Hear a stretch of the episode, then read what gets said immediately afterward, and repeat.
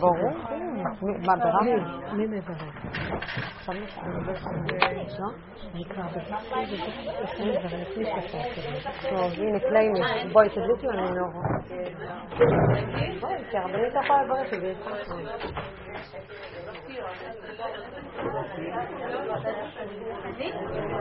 כן, כן, כן, כן, שמישהו תדליק לנו נורו. תדליקי, הדלקת לבית? אז אם הדליקו, אז מה, עוד פעם נברך? כן, לא, זה נחשב, ברכה.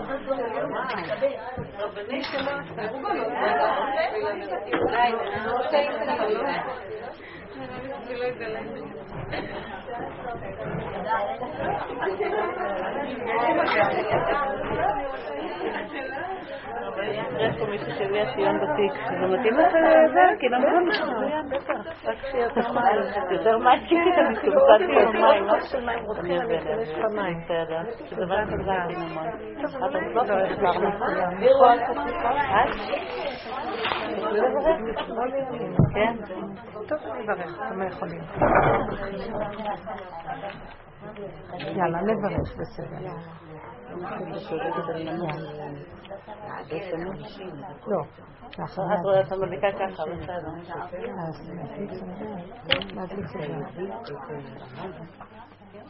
יש שם חלונות שם אין נר אחר? אין נר מיותר? יש עוד נר אחד אולי? שאפשר להדליק איתו? אין עוד נר, נכון?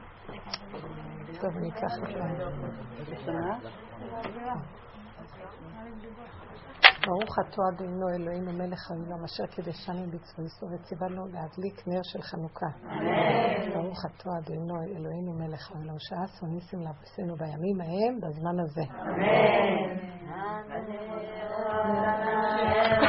מדליקים הנרות הללו אנו מדליקים על הניסים ועל הנפלאות ועל התשועות ועל הנחמות שעשית לאבותינו, שעשית לאבותינו בימים ההם, בימים ההם, בימים ההם, בזמן הזה. על ידי כהניך הקדושים וכל שמונת ימי החנוכה הנר עושה לנו קודש הם ואין לנו רשות להשתמש בהם, אלא לראותם בלבד, כדי להודות ולהלל ולשבח עניסיך, עניסותיך וישועתך. מה ישועתי, לך נאה לשבח, לקרוא בתפילתי, ושם תודה לזבח. לתכין מטבח מצהב נבח. אז אגמור בשיר מזמור חנוכת המזבח אז אגמור בשיר מזמור חנוכת המזבח יבני יבנים נקבצו עליי אזי בימי חשמנים ופרצו חיות לגדלי וטימו כל השמנים ומינוי שחקן קנים נעשה נס לשושונים בני בינה ימי שמונה קבו שיעורי נענים בני בינה ימי שמונה קבו שיעורי נענים אוי, מה זה? נעשה קצת טיפה שערה ונדביק.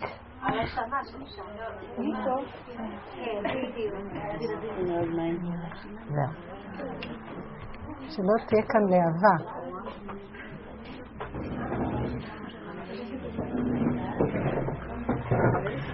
הכל שלנו.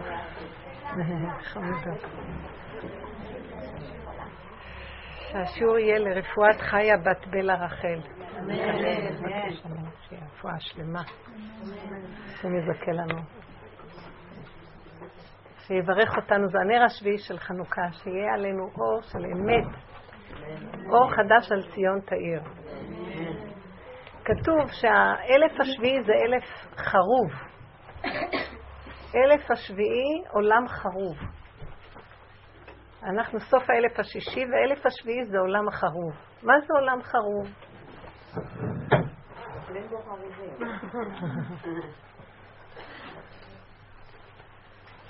עולם חרוב זה... העולם נקראת התודעה. יש הרבה עולמות. נכון שמעתם את המושג אין סוף עולמות? ועולם נקרא תודעה. יש הרבה תודעות. התודעה של העולם הזה שאנחנו גרים בו, חיים בו, תודעת הטבע. טוב ורע, נכון, לא נכון, צורת החשיבה שלנו, צורת החיים שאנחנו חיים. זה הולך להיחרב. זה נקרא התודעה של העולם, תודעת הטבע. אז האלף השביעי זה זמן שנכנסים, זה כמו שבת, תודעה חדשה. זה לא כמו תודעה של ששת ימי השבוע, זה משהו אחר. מה זה התודעה? זאת אומרת, כדי לקבל את התודעה החדשה של האלף השביעי, כדי לקבל את השבת, מי שטרח בערב שבת יאכל בשבת. שבת יש לה תודעה אחרת. האלף השביעי יש לו תודעה אחרת. זה עולם אחר. זה עולם אחר. הדרך שאנחנו לומדים היא ההכנה איך להיכנס לעולם הזה, האחר הזה. והעולם האחר הזה זה משהו אחר לגמרי. מה זה העולם האחר הזה? האלף השביעי עולם חרוב. הוא לא עולם חרוב, הוא עולם חרוב מהתוכנה השנייה, אבל הוא עולם של גילוי שכינה אור חדש שיתגלה במקום הזה. אני רוצה לתאר איך ייראה האור הזה. ברשותכם, אני רק...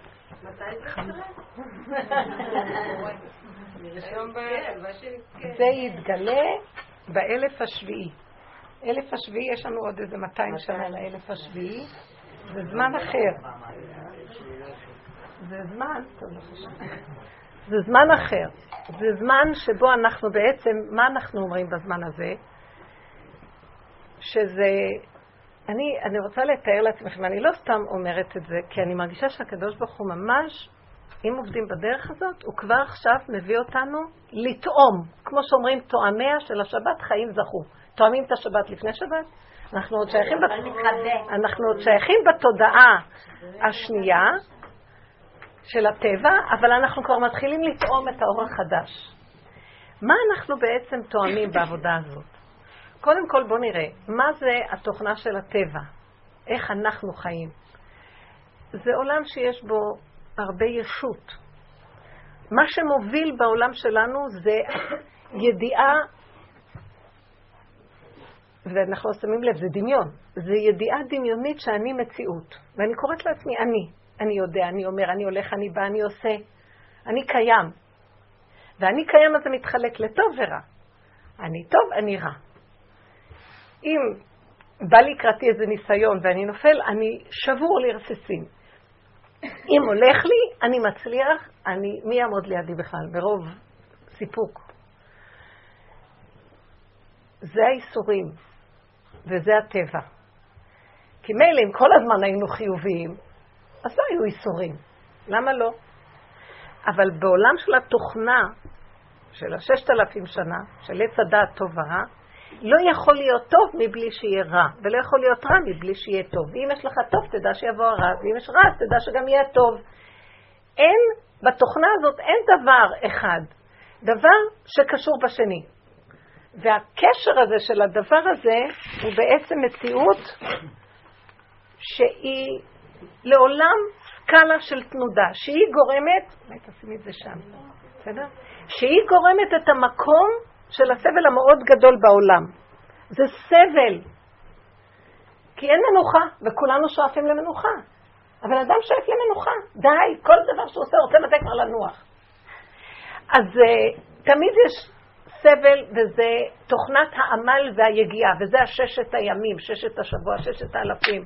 זה תוכנת העמל והיגיעה. אבל הטבע הזה שלו לרצות לנוע, איך? בתוך הטבע הזה של האדם רוצה לנוע, הוא גם בתוך התוכנה? כאילו כשיהיה אה, עולם אחר טבע אחר? שיהיה עולם אחר, אז אני רוצה בדיוק להסביר לכם, וזה טוב, זו שאלה טובה, תשמרי אותה עוד קצת. אני במיוחד רוצה את השאלה הזאת, אבל יש כאן איזו נקודה שאני רוצה להסביר. העולם של הטבע הוא מחולק לדואליות. אז היא אמרה, אז הוא עושה תנועה בעצם, נכון? זה תנועה? זאת אומרת שהתנועה היא לא טובה, נכון? ואנחנו שואפים למנוחה. אבל אני רוצה להגיד לכם משהו, שגם באלף השביעי תהיה תנועה, גם בשבת יש לנו תנועה. נכון שאנחנו נעים? הולכים למטבח, באים, יוצאים. זה לא... אה, איך אומרת התורה? אה, שבו איש תחתיו. בל יצא איש ממקומו. וכאן חכמים קבעו תחום שבת, אבל זה לא אומר שאנחנו יושבים תחתנו. הקראים לקחו את זה שהם יושבים. הם יושבים בחושך. אבל אנחנו אומרים, שבו מלשון מנוחת הנפש. יש תנועה בגוף. אין איסור שתהיה תנועה בגוף. יש איסור שתהיה בנפש תנועה של מחיובי לשלילי, משלילי לחיובי, הצער הפסיכולוגי של הפרשנות של התנועה. התנועה מצידה היא טובה מאוד, כי התנועה זה חיות. אבל הפרשנות שבה, הפסיכולוגיה, איך קרה? אוי, איזה יופי. כל הדבר והיפוכו, שזה הפרשנות שבדבר הזה, זה בחינת הסבל של ששת האלפים. ואני רואה בעבודה הזאת שאנחנו עושים, מה אומרים לנו בעצם? מה ההכנה? תתחילו להתבונן כמה סבל יש בתכונה הזאת. אתם יודעים שאנשים שלא מגיעים לשיעורים, הם לא כל כך מתבוננים, ואז הם לא רואים עד כמה נפשם סובלת בעצם מהמציאות של הפרשנות. מה שהם עושים בדרך כלל, הם בורחים לחיובי, או לדמיון החיובי, ואז הם כאילו נמצאים באיזו אילוזיה חיובית. אבל באמת, אם בא איזה ניסיון ולא מסתדר, עוד פעם נופלים. אז אנחנו לא יכולים להינצל מהעולם הזה והתוכנה שלו. אין מנוס. זה הגיהנום שאי אפשר לצאת ממנו. רק על ידי הדרך הזאת. איך? להתבונן עד, עד כמה שזה גיהנום. ולהכיר עד כמה זה נורא. אני לא יכולה לסבול. אני לא יכולה לסבול שאני אחוזה בילדים שלי. ואז, אם מישהו עושה משהו טוב, איזה כיף, יש לי ילד מדהים, הולך לי. ואם לא הולך לי, זה סבל. מאיפה הסבל נובע? מהפרשנות שלי ומזה שאני קודם כל לוקחת את האל ועושה אותו מציאות שלי, ואחר כך אני מפרשת את הטוב ואת הרע. אם אני לא מתבוננת ומפרקת כל הזמן, בדרך הזאת אנחנו מפרקים, מאיפה בא לי הצער? מאיפה בא הכאב? למה השם שולח לי את הדבר הזה? מה רוצים ממני? אז ההתבוננות היא מתמדת במציאותי. כל ההתבוננות הזאת, אני במשך שנים, מה אני רואה? אני רואה שאני בבית סוהר של תוכנה מזעזעת. מה שאני לא עושה, להגיד לעצמי, טוב, תתאפקי, אל תעני. טוב, אין זה לא שלך. הבעל הזה הוא שלך, אבל הוא לא שלך. אז מה אכפת לך אם הרווחת או לא הרווחת?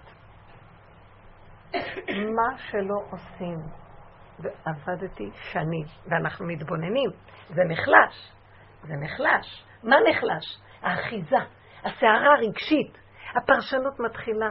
נהיים עייפים, אבל זה קיים. אי אפשר לצאת מזה. אי אפשר. מה שקורה הוא, לקראת הסוף מגיעים למקום וצועקים, אבא, תעצור את הגלגל, אני רוצה לרדת מהתוכנה.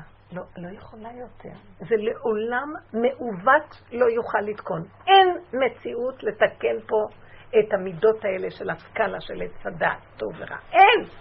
מה שלא תעשי, אין. אין אנחנו עושים תרגילים, ואנחנו בודקים, ואנחנו... את לא יכולה. העולם הזה מלא סבל. וככל שאנחנו, אלה עברו בעולם הזה והתבוננו, והיה להם נפש רגישה והתבוננו, והיה להם דרך בעבודת השם, הם נמלטו מהעולם. הם היו בעולם, אבל הם נמלטו מהעולם. אני אסביר לכם איך. ואז אני צועקת אליו, אני לא יכולה יותר. קשה להיות פה. אז מה אתה רוצה שאני אלך למדבר? יש לי משפחה, יש לי ילדים, יש לי חיים. אני, מה, מה אני אעשה? מה? תאבד? מה אתה רוצה?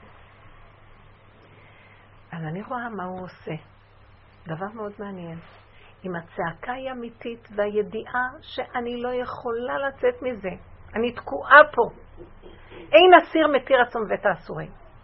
אני תקועה בתוכנה שאף פעם אני לא אוכל לצאת ממנה. רק דבר אתה יכול לעשות. אתה יכול להכניס את היד שלך ולרוקן לי את הפסיכולוגיה של עץ הדת. מה יישאר? יישאר הגוף הזה. ויישאר גולם. וואו, זה טוב. גולם זה טוב. והגולם הזה, אז איך הוא חי? פתאום כל התוכנה נופלת. אין את החשיבה הרגילה. מה זה החשיבה הרגילה? אין את ההתרגשות. בואו ניקח מגשמי ועד רוחני. כן תרוויחי, לא תרוויחי. אפילו הרוחני, או בואו ניקח רגשי. או בוא נגיד מההתחלה של העשייה, כן תצליחי בתוכנית הזאת או לא תצליחי, להעביר את הדבר הזה מפה לפה, שום דבר. את מעבירה, בא מישהו מזיז לך. את משנה משהו, עוד פעם בא וטופח לך. במעשיות לא אכפת לך. ברגשיות, יאהבו אותי, לא יאהבו אותי. נעלם תחושת העצמיות שכל כך חפצה הכרה.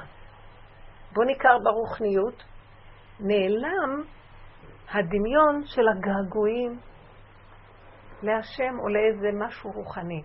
אין כזה דבר בכלל. מה זאת אומרת? אז מה, אין השם? בטח שיש השם. פתאום אני מבינה שאין השם כמו שאני חושבת שיש השם. בתוכנה של עץ הדת יש לי דמיון מה זה השם. ואני מייחלת לו ומצפה לו ומחכה לו ומדבר. אין כזה דבר. הוא קיים. נהיה גולם שקט, ואז אני רואה, אז איך הגולם הזה יחיה? שכל אין לו, בוא נגיד, של רגש, של עשייה, של איזה רוח, אז מה כן יש לו? תנועה, תנועה, וזה חוזר לשאלה שלך. הגולם הזה זז. ואני הרגשתי, הוא עשה לי משהו בשבת, היינו בשבת מירון, מיום חמישי נסענו כל המשפחה, גדולים וקטנים, כולם באו. וראיתי, אני, אני צעקתי ואמרתי לו, אם אני אשאר בתוכנה של עץ הדת, במצב הזה, ואני יזמתי את השבת, לא יזמתי, כאילו זה יצא ככה, אבל הסכמתי. אם אני אהיה בתודעה של עץ הדת, אני אשחוט שלושה מימין ואת כל השאר משמאל. אני לא אשאר חיה פה. אני בסכנת עולם. איזה תחנונים. הלכתי וראיתי איך שהשם ריחם. וזה תהליך של עבודה. ומה ראיתי? עין. הוא עשה לי מציאות של עין, גולם. איזו תנועה מדהימה. טה, טה, טה, טה, טה, טה, טה, טה. גולם שלא מבין, אפילו פעם אחת לא הלכתי לציון של רבי שמעון. פעם אחת עוד באה מישהי מהתלמידות שמה, ואמרה לי, בואי נעלה לציון. שלושה ימים הייתי שם. הם כולם הלכו ובאו. ואני uh, מתחמקת. לקחה אותי עד לשם, אמרתי לה, אני לא יכולה להיכנס.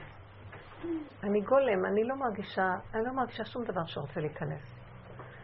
אז אמרתי לה, בוא נלך פה בשביל. עלינו, היה שם ציון של אה, יוחנן הסנדלר. ישבנו שם בחוץ. מאוד יפה, שקט, שקט, שקט פה. פה אין רעש, אין, אין דמיון רוחני, אין צעקות, אין סידורים, אין כלום. שקט. שקט, שקט. מה, למה אני מספרת לכם את הדבר הזה? ראיתי את הגולם בתנועה, ואיכשהו שלח לי סיבה מתי לקחת אותי. מה, מה כן קרה? ישבנו שם איזה שעתיים, כבר היה שעה כמעט שתיים לפנות בוקר, היה מוצא שבת, ואמרה לי, את יודעת מה? עכשיו שקט, כי את אין אף אחד בציון. אמרתי לה, עכשיו טוב. נכנסתי חמש דקות.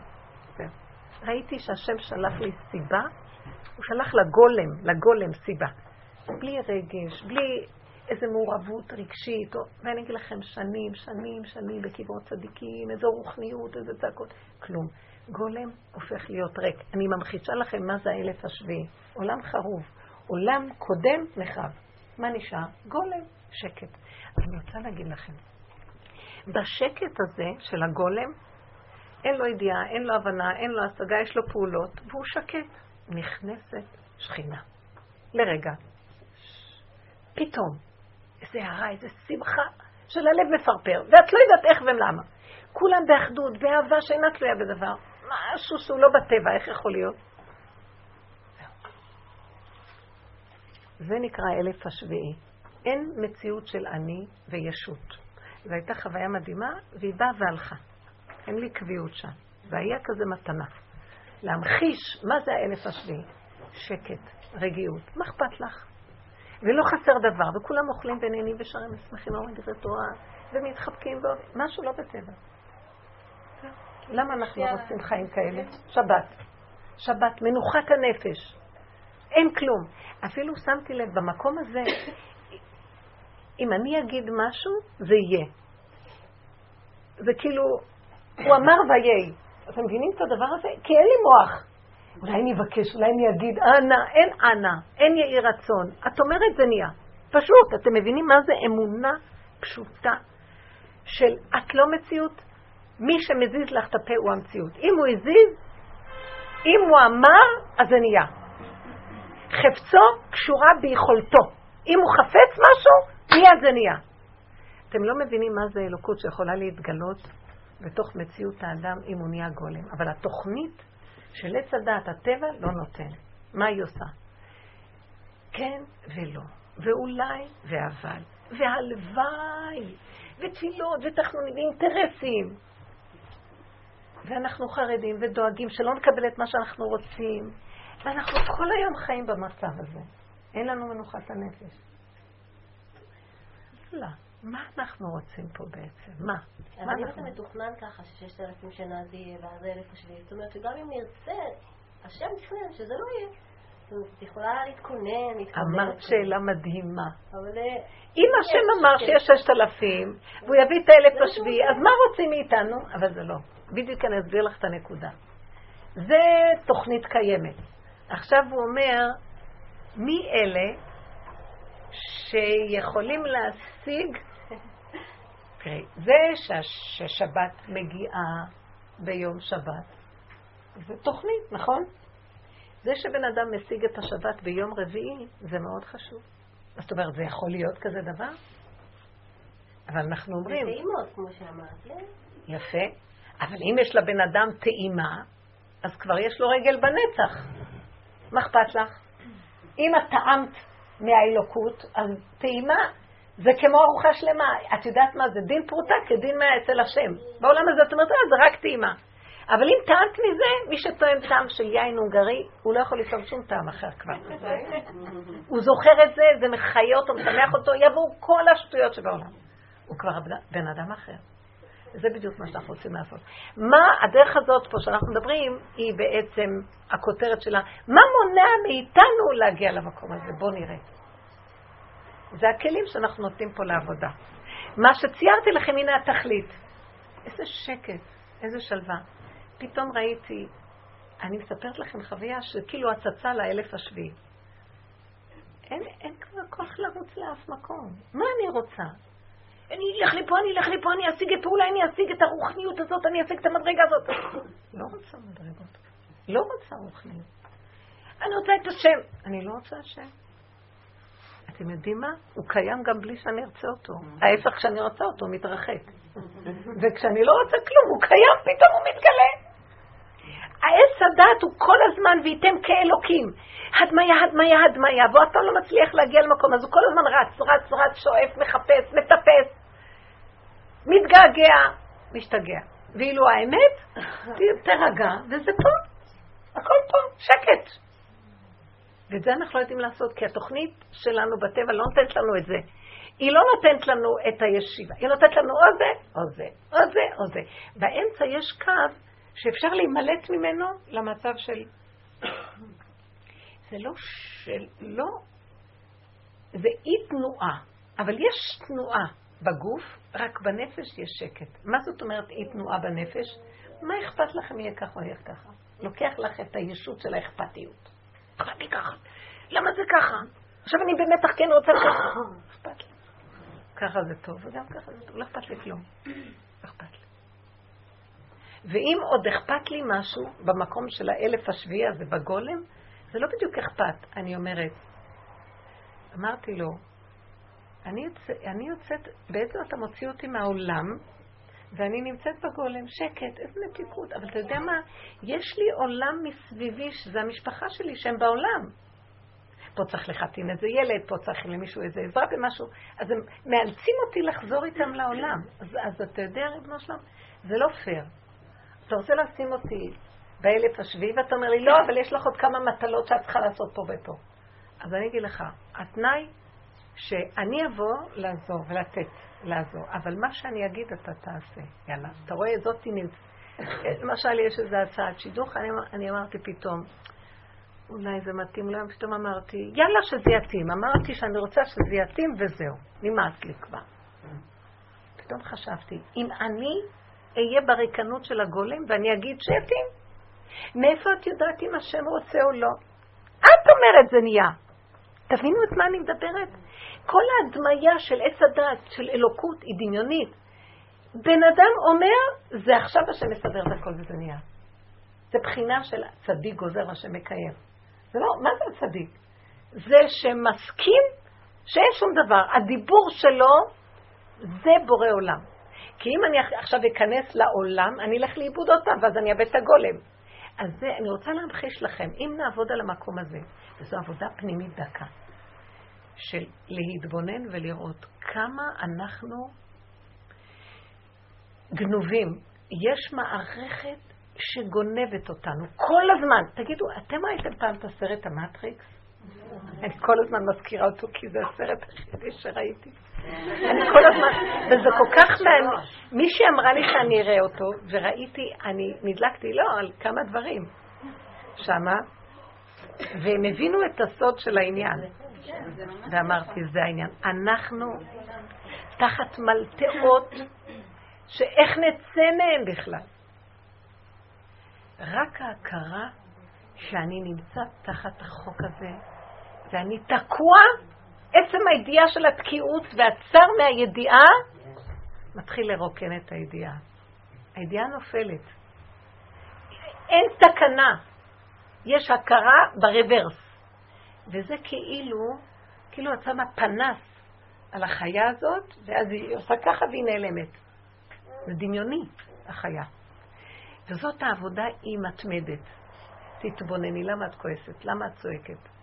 אנחנו כל הזמן מבקרים אחד את השני, זו תוכנה של ביקורת, בגלל שיש תמיד שתי אפשרויות. היית רוצה שיהיה ככה ולא ככה. אז אתה כועס, למה שזה ככה? אז במקום שתכעס כי אתה רוצה להשיג משהו, תרצו להפסיק לרצות להשיג. רק העיקר, תראו את המנגנון. תתעסקו בחוכמה שמסתתרת מאחורי התוכנה, לא בתוכנה עצמה, כי התוכנה מפעילה אותנו. אנחנו יונות פוטות נופלות לפח, וכל הזמן אנחנו משרתים את התוכנה הזאת. ויום אחד אני אומרת, אני לא רוצה לשרת את התוכנה, אבל באיזשהו מקום אני שבויה בה, אז מה אני אעשה? תכירי כמה את שבויה. לפחות אל תתני תנועה. תתאפקי, תלכי אחורה. את לא חייבת להגיב. ולפעמים אין לנו ברירה, כי אנחנו כבר כל כך מותנים ומגיבים מיד. אז גם אחרי שהגבת, תחזרי להתבוננות. ההתבוננות והדיבור, ההכרה והדיבור, זה הצלת עולם. זה הצלת עולם. זה דרגת היחידה, נכון? זה מדרגת היחידה. מה זה, מה זה? זה המקום שאת כל הזמן חוזרת אחורה, אחורה. כי מה זה מדרגת הריבוי? זה, זה הולך עוד נקודה ועוד נקודה ועוד נקודה. נהיה נקודה, את מתחילה, זה איך שאנחנו חיים, בריבוי. והעבודה שלנו היא להקטין את הריבוי ולצמצם למקום של היחידה בחזרה. לבנה ראשונה, אבן מה עשו הבונים? הייתה לראש פינה. כי זה בונים, זה בניין, ואני רוצה עכשיו לפרק, להגיע ללבנה. זאת העבודה. תדעו לכם, זה לא קל, אבל אם אנחנו נכניס בתודעה את המקום הזה, תתחילו לראות חיים אחרים. יש משהו מדהים במקום הזה. זה לא קל כי יש בזה כאב. בגלל שאנחנו רואים את עצמנו, איך אנחנו נראים. אחרים לא רואים, הם מצדיקים את עצמם, מכסים, מאשימים, והצער שיש להם זה בכלל לא, לא... למה לא נתנו להם את מה שהם רוצים? אבל אני לא רוצה את מה שאני רוצה. אני רוצה לנגוע בנקודת היסוד ולפרק את הדבר הזה, את השעבוד הנורא הזה. זה השעבוד הנורא. וכשאדם נותן את העבודה שלו, זה כמו שאת אמרת, באמת שאי אפשר לנו לצאת מזה. השם מתעורר לקראתנו והוא גואל אותנו. אבל אנחנו צריכים לתת לו את העבודה. פיתחו לי כפיתחו של מחט.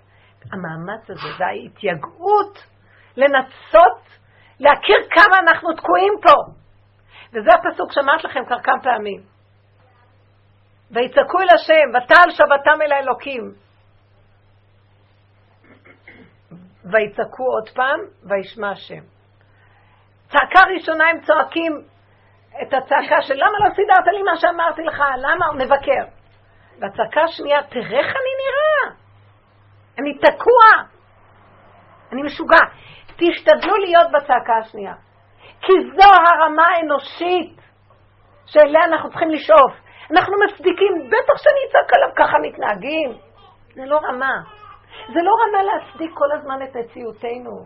למה הוא עושה ככה? למה זה ככה? כי צריך להיות ככה, כי על פי הטבע, התוכנה הזאת יש לה סיבה. ככה זה צריך להיות, לא ככה זה צריך להיות. אנחנו צריכים כבר להגיע למקום הזה, ככה זה. אז למה אני משתגע מזה שזה ככה זה? זאת השאלה שלי. תראה איך אני נראה, אני מאבד את הצלם. אני מאבד את החיים שלי. ותגידו, יש לי תשובות? אני... לא אכפת לי להישאר בתוכנת הדעת. אם הולך לי, מה שאנחנו עושים ככלב ששב על קיאו, כלום לא הולך. עוד פעם, עוד פעם. זה הדמיה של כאילו אנחנו פועלים וזה עובד. זה לא עובד. שמתם לב? כל היום אנחנו רצים אחרי הפרנסה, ואף פעם היא לא באה. כל היום רצים לחנך את הילדים, ולא נראה שהם מחונכים. כל היום רוצים לעשות שלום בית וזוגיות, אף פעם זה לא נהיה. מה?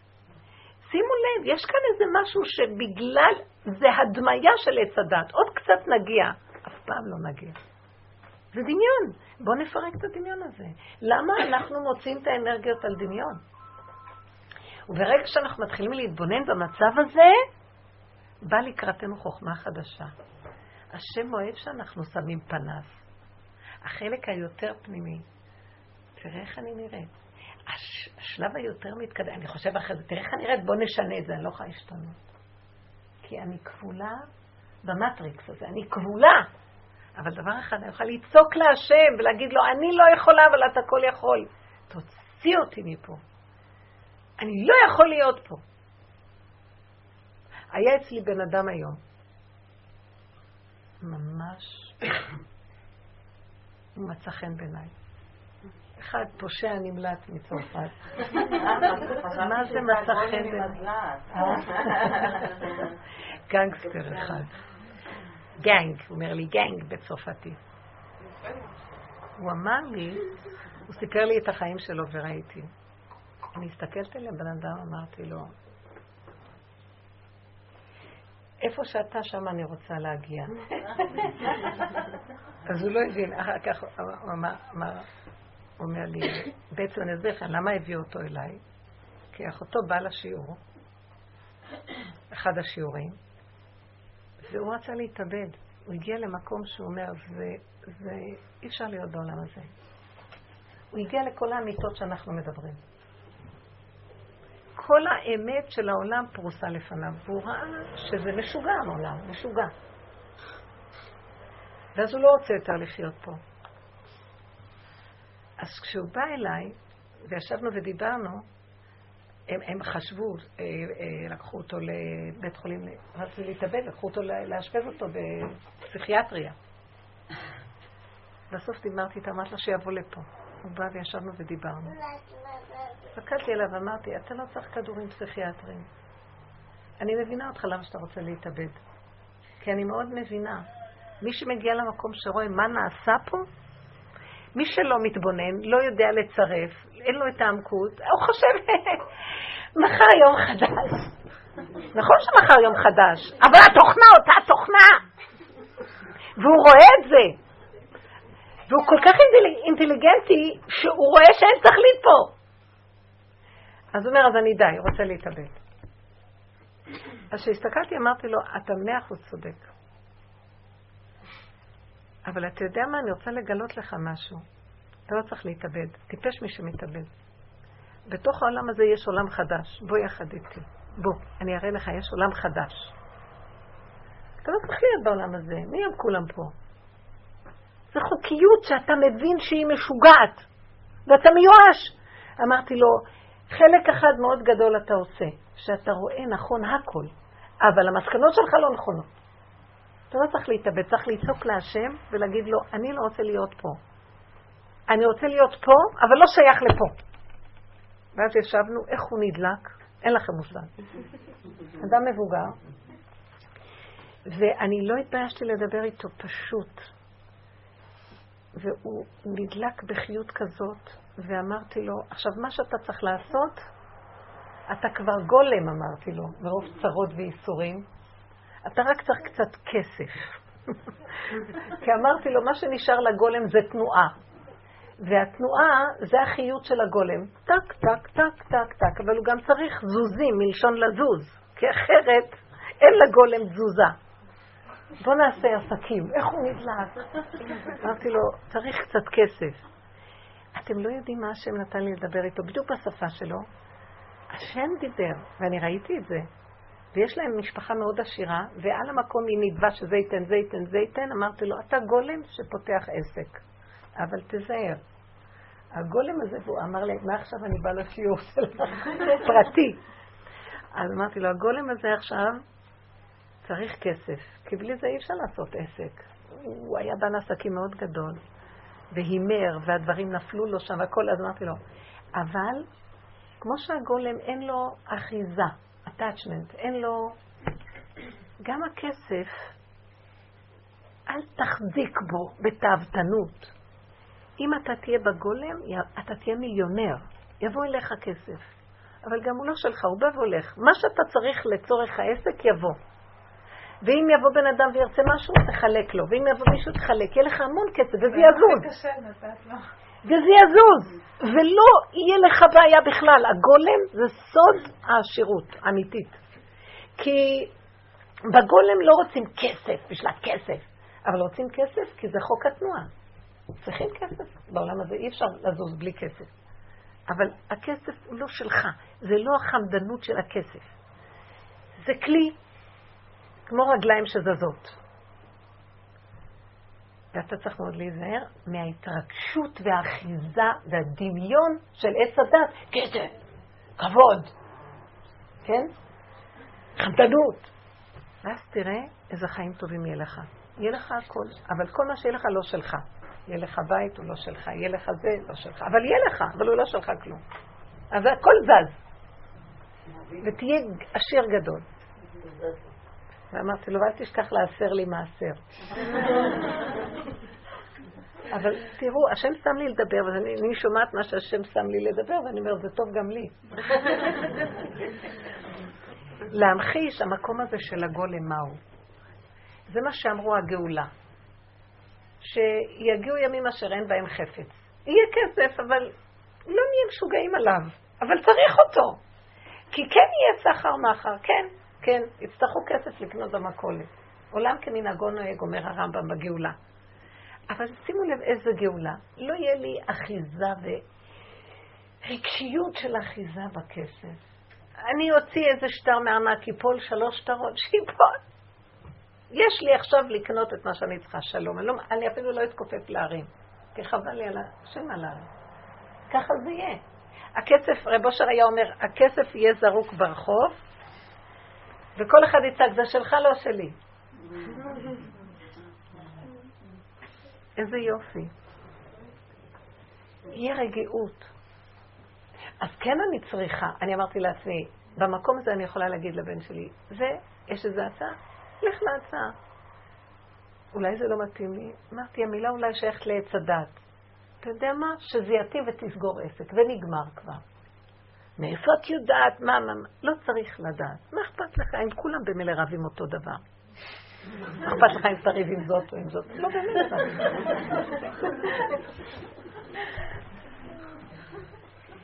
והיה לי שקט ורגיעות, אמרתי, זהו, למה אני אומרת שתלך ושזה זה?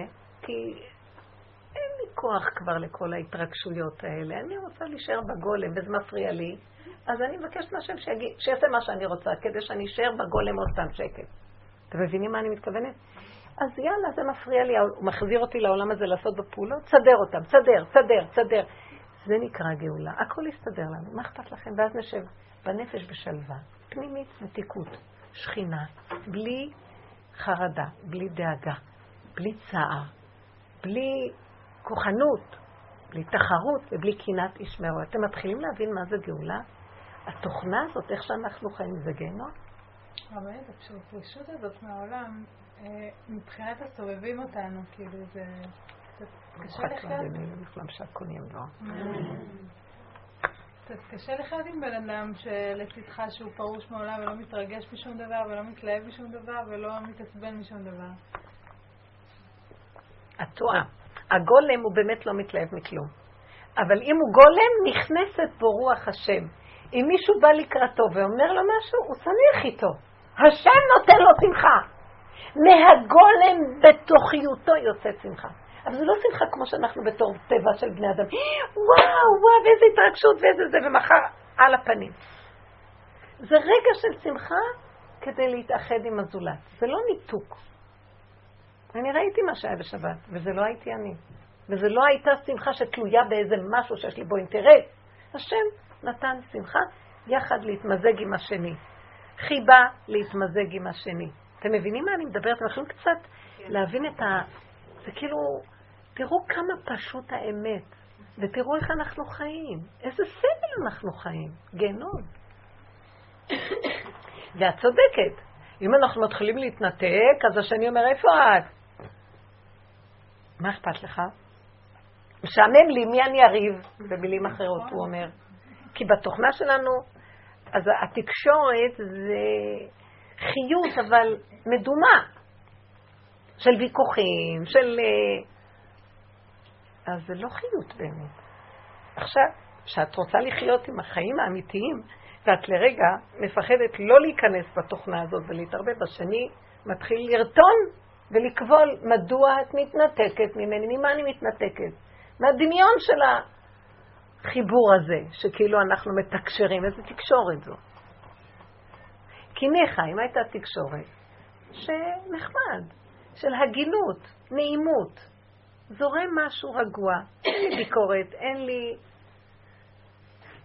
טענות, אין לי מענות, אין לי ציפיות ואין לי דרישות, ואיך שזה ככה הכל בסדר, זה טוב.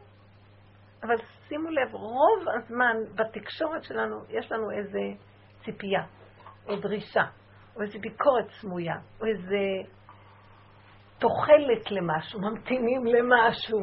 מה, למה מחכים? מה, מה, מה יהיה? שמתם לב איך זה נראה? בזוגיות יש איזה משהו, זה מה שמחזיק את תוכנת עץ הדת. כאילו אנחנו כל הזמן, עוד מעט תהיה משהו, עוד מעט, עוד מעט יהיה טוב, עוד מעט, עוד מעט. מה? אף פעם לא יהיה כלום. זה גניבת דעת איומה. וזה נקרא גניבה של עץ הדת. זה הקלקול של עץ הדת. אתן רוצות לשאול משהו ששייך, שאפשר לדבר. יוסף מלמד אותנו. איך? יוסף מלמד אותנו בדיוק בשבועות האלה איך, אה, איך להבין שהוא לא היה מציאות בכלל אף פעם. ו... והנה, והוא הגיע, ועבר עליו מה שעבר עליו, והוא היה... יוסף היה בבור. עשר שנים הוא היה בבור, אחר כך הוסיף לו עוד שנתיים. אתם יודעים מה זה 12 שנה בבור? בבור הוא הגיע למקום שהוא איבד את העצמיות שלו. התוכנה של עץ הדת, הוא ראה את הסבל שלה, את השקר והמרמה. אתם חושבים שהוא רק היה בבור 12 שנה ורק הסיפור הזה של אשת פוטיפר? בתוך הבור היו אנשים, היו חיים, היו גנגסטרים, היו, היו מצבים מאוד קשים. הוא ראה את הסבל של העולם, והוא חקר ודרש וראה, הוא חייב לצאת משם. והשם, והוא הגיע למסקנה שהעולם הזה מלא סבל וייסורים. ואם הוא ממשיך להיות קשור בעולם, זה, זה הכרה בנפש, בתודעה הפנימית. אז אה, אין לו תקנה. כשהוא הגיע למקום הזה, השם רצה להוציא אותו מהבור. זאת אומרת, הוא אמר להשם, תוציא אותי מהגיהנום הזה, אני רוצה להיות קשור אליך. גולם שנותן את עצמו להיות כלי שאתה מתגלה דרכו. אני לא מציאות.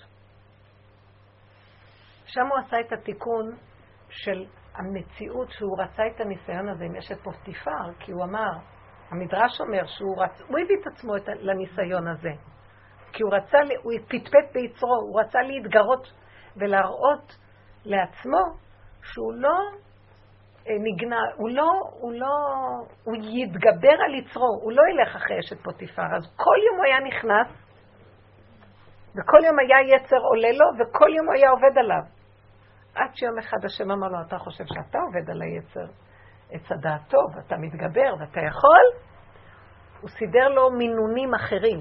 היצר שלו היה גדול, היא פיתתה אותו ביותר, והוא לא יכול היה לעמוד בזה. ואז הוא ראה פתאום, איך אני חושב שאני יכול, אני מתגרה ביצרי ואני עוד יכול להגיד שאני אתגבר? תזמין לי ניסיון? אוי ואבוי מה שקרה. אז הוא התחיל, הוא צעק להשם ונתגלתה לו דמות דיוקונו של אביו. המדרש אומר, הוא אמר, אבי נתנסה, זקני נתנסה, אני לא נתנסה, הוא היה בנן של האבות הקדושים, אז הוא ידע, אברהם אבינו היו לו ניסיונות, עשר ניסיונות, יצחק היו לו ניסיונות, יעקב כמה ניסיונות, אז גם אני רוצה ניסיונות. מצד הצדקות שלו הוא רצה ניס, ניסיון. השם אמר לו, זה ישות של צדקות. אני אראה לך אם אתה חושב שיש לך. אחר כך שמו אותו בבור, כל העשר שנים הוא עבד על המקום הזה, איזה ישות. וביטל את יסוד הישות. ורגע אחד הוא עוד מבקש משר המשקים והאופים, תזכירו אותי לפני פרעה, עוד שנתיים. תראו איך הוא מדקדק הקדוש ברוך הוא. כי הוא עבד בצורה שיטתית, אתם יודעים? הוא הגיע לשם, בבור זה הביטול. אני אגיד לכם את האמת, אנחנו בבור. לא צריך את אשת פוטיפר ולא כלום, אנחנו בבור. רק נדמה לנו שאנחנו לא. אם היינו באמת מתבוננים, הייתן רואות שהנשמות שלנו, אנחנו בתשישות נוראה. אנחנו כל כך רבויים בכאבים. אנחנו פשוט לא מחברים את זה לתודעה. אתם יודעים? מה שקורה, הוא מגניב אותנו, הוא לא רוצה רגע שנתבונן. אם נתבונן, הלך עליו היצר הרע.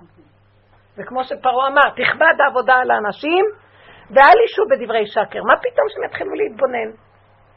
לא, לא הסכים שמשה רבני יוציא אותם לשלושה ימים להתבוננות במדבר. כי הוא ידע שהם יתחילו לראות כמה הם רבועים בסבל, אז הם ייתנו צעקה ואז הכל ייגמר. ולכן עבודתנו היא להתבונן, ולא לוותר. כל הזמן ההתבוננות. עד שנגיע, זה מעייף. עד שנגיע למקום שנראה שאנחנו לא יכולים יותר, ולא רוצים גם להיות יכולים. אנחנו לא רוצים ככה. בוודאי. לא רוצים את העולם הזה, לא רוצים, רוצים שבת. תכניס את השבת. תכניס, די, אין כוח. אם העולם יגיע להכרה הזאת ויבקש את השבת, הגאולה באה למקום. הגאולה לא מגיעה כי אנחנו עוד לא בתודעה, אנחנו חושבים עוד מעט יהיה משהו, עוד מעט נעשה ככה או לא נעשה ככה, חבל לכם. אין מה לעשות. כל עשייה שאנחנו רצים עוד בחיוביות מרחיקה אותנו מהנקודה. כי לקראת הסוף יהיה רק, אנחנו עכשיו נמצאים מאוד מאוד קרוב ל... להפסקה לפני שנכנסים לשבת. יש זמן שמסדרים את הכל, ובירושלים 40 דקות הדלקה, בכל שאר המקומות 20 דקות, נכון? מפרישים זמן מן החול לקודש. אז אנחנו יכולים לעשות פעולות, אבל אנחנו מתבקשים קצת כבר להיות במצב של כאילו כבר שבת עוד מעט. זה המקום הזה. תתחילו לעצור ולוותר על פעולות. תחשבי אלף פעם לרוץ או לא לרוץ. לא צריך. אבל תפתחו את הפה ותגידו. אתה בשנייה יכול לסדר עד אליי הכל, למה אני צריכה את כל זה? ההשתדלויות של החרדה הטבעית להשיג ולרוץ. פעם רבי לוי יצחק מברדיצ'ב ראה בן אדם אחד רץ, רץ, אומר לו, לאן אתה רץ? הוא רץ אחריו. אז הוא אומר לו, אני רץ אחר פרנסתי. אז הוא אמר לו, מניין לך, אולי מאחורה. למה אתה רץ? כי התוכנה של עץ הדת זה לרוץ. זה הרצון. בטל רצונך. תפסיקו לרוץ, או שלא, שלא. אז במקום הזה מתחיל להיות התבוננות אחורה. זה התהליך הנכון של הגאולה. אני רק אגיד שהרבנית ענתה לי על השאלה הזו שכתבתי, כן. ויש לי שאלה בהקשר כן. לשאלה. אה, קראת את זה? את רוצה שאני אקרא או שזה כן, נקרא? כי השאלה שלי זה בהקשר לזה. טוב. אז אני אקרא אותה? במהלך הרבה זמן אני מרגישה תקועה, במהלך הניסיון הכעס והתסכול כל כך מטשטשים אותי שאני פשוט לא מצליחה לחשוב. וגם אחר כך כשהכול עובר, אני עדיין לא מצליחה להבין מה השם רוצה ממני. מרגישה פספוס ומצליחה לבקש רק הרחמים. כל ניסיון נראה לי אותו דבר. אני לא מצליחה למצוא מילים ומרגישה תקיעות. וזה בדיוק הנקודה. התקיעות זה ההרגשה הכי טובה. אנחנו תקועים, באמת אנחנו תקועים. כל התוכנה של עץ הדת, מה פתאום? יש לנו יז, יזמות, יש לנו פתרונות, יש לנו המון שיטות איך שלא תהיו תקועים. זה דמיונות. עובדה שכל בוקר אנחנו קמים ואנחנו אומרים, אני תקוע. תודה שאתה מלביש את התקוע. אני עיוור, תודה שאתה נותן לעיוור לראות. תודה שאתה מקים את הנפול, כי אני, אתה סומך נופלים ואני נפול. אתה מתיר אסורים כי אני אסור ואתה מתיר אותי. אנחנו תקועים, אתם שמים לב? אנחנו קמים בבוקר ומודים שאנחנו תקועים. מה זה התקיעות? אני עיוור, ואני ערום, ואני נפול, ואני אסור. שימו לב, ואני עייף. וברוך אתה שאתה מסדר לנו הפוך, את מבינה? כאילו, אנחנו קמים ואנחנו מודים רגע על האמת. אחר כך כל היום מתהלכים, כבר שכחנו. מאחורי כל הפסד שיש פה זה תקינות לא נורמלית. אנחנו מציאות של נפילה. אז את אומרת שאת מרגישה תקועה, זה סימן שהבן אדם מרגיש את האמת. אבל אין לנו כלים לעבוד עם זה. יש תנועה של רצון להתאבד אצל הרבה צעירים. כי הם מרגישים את האמת, תקיעות. אבל זה מקום מצוין! יופי! אז again, פעם אחת הבן שלי אמר לי, אמא, אני תקוע. אמרתי לו, מצוין! לא. זאת אומרת, הגעת סוף סוף למסקנה הנכונה, עכשיו נטפל בזה. כי אי אפשר לצאת מן התקיעות, אפשר להתוודות על התקיעות. תגידו לי, יום כיפורים, מה מציעים לנו חז"ל הקדושים? מה? להתוודות. מה השם אומר בתורה? והתוודו את חטאותם לפני השם. אני משתגעת, אני אומרת, זה יום של תקיעות הכי גדולה. כולם מודים בתקיעות שלהם. אין שם שום תנועה לקראת יציאה מהתקיעות, נכון?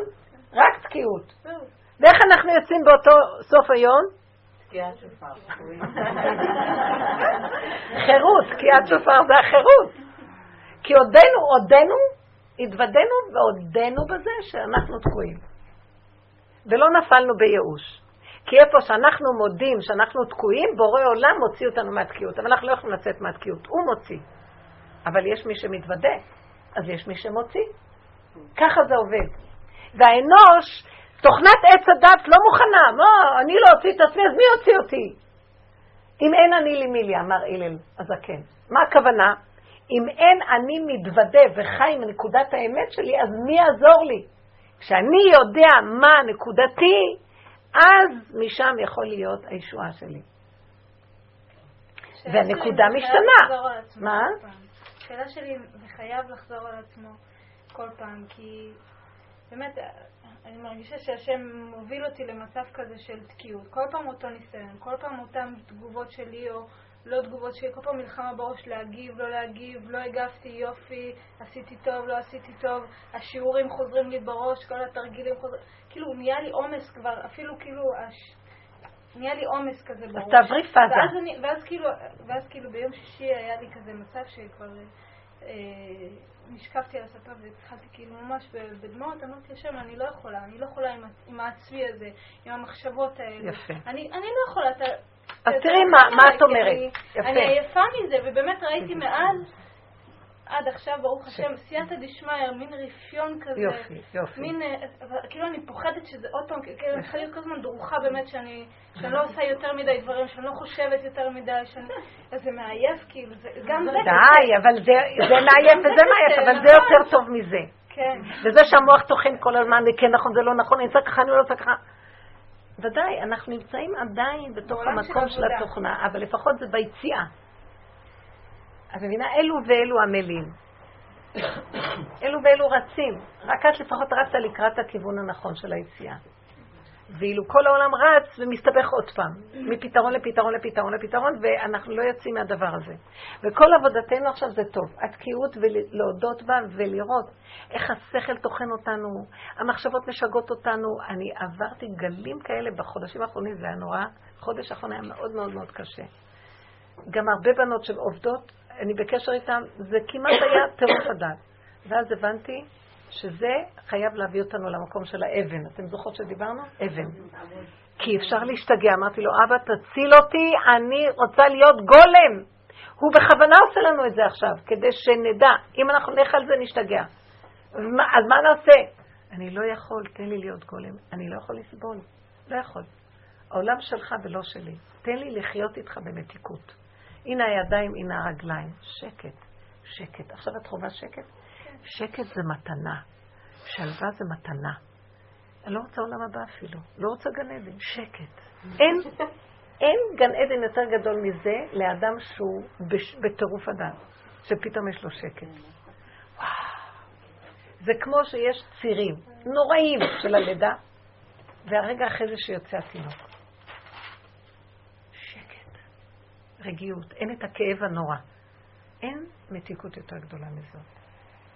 אז המקום הזה, אל תחפשו יותר מזה. שקט, ברוך השם. אז ברגע שאת אומרת, אני לא יכולה יותר, זה נהיה.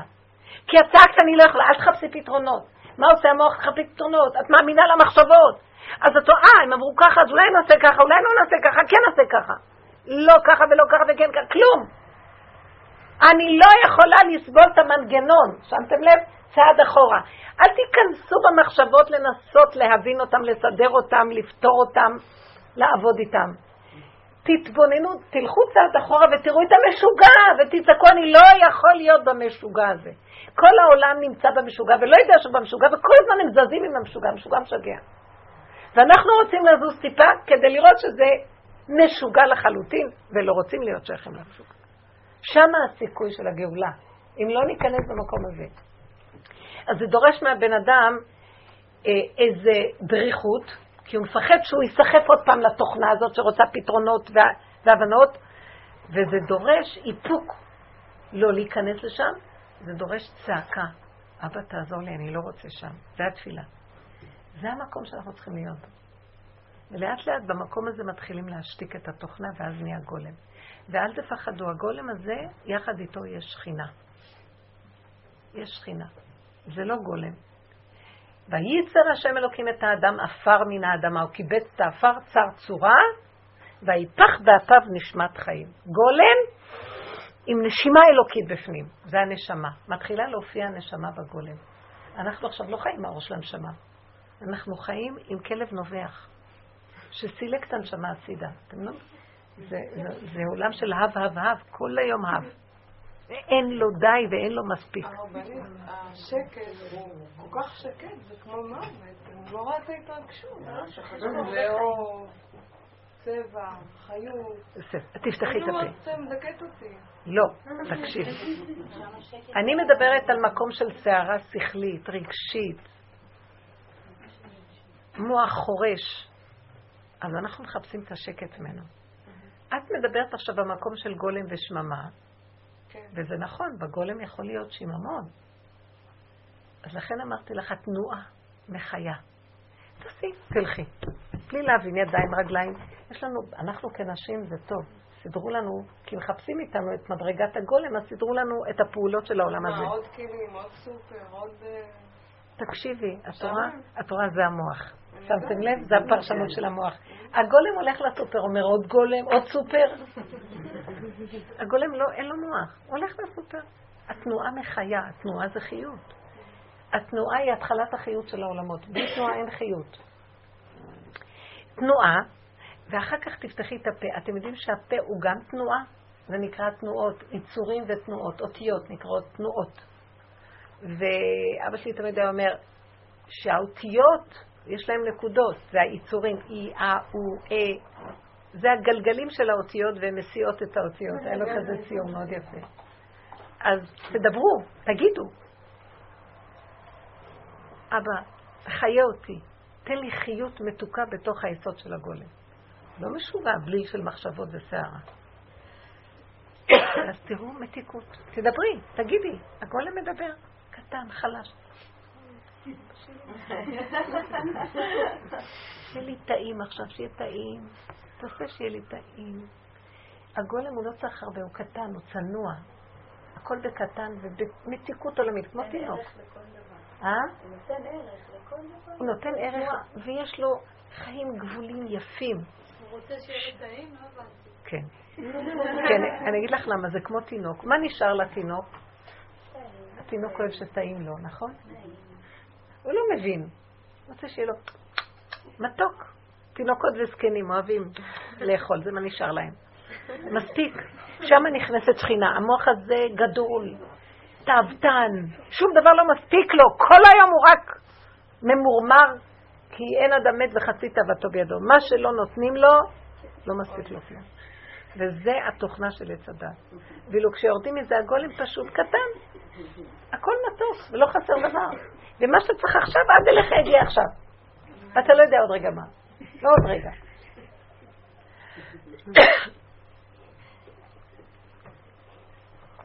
זה לא טעים לי קר.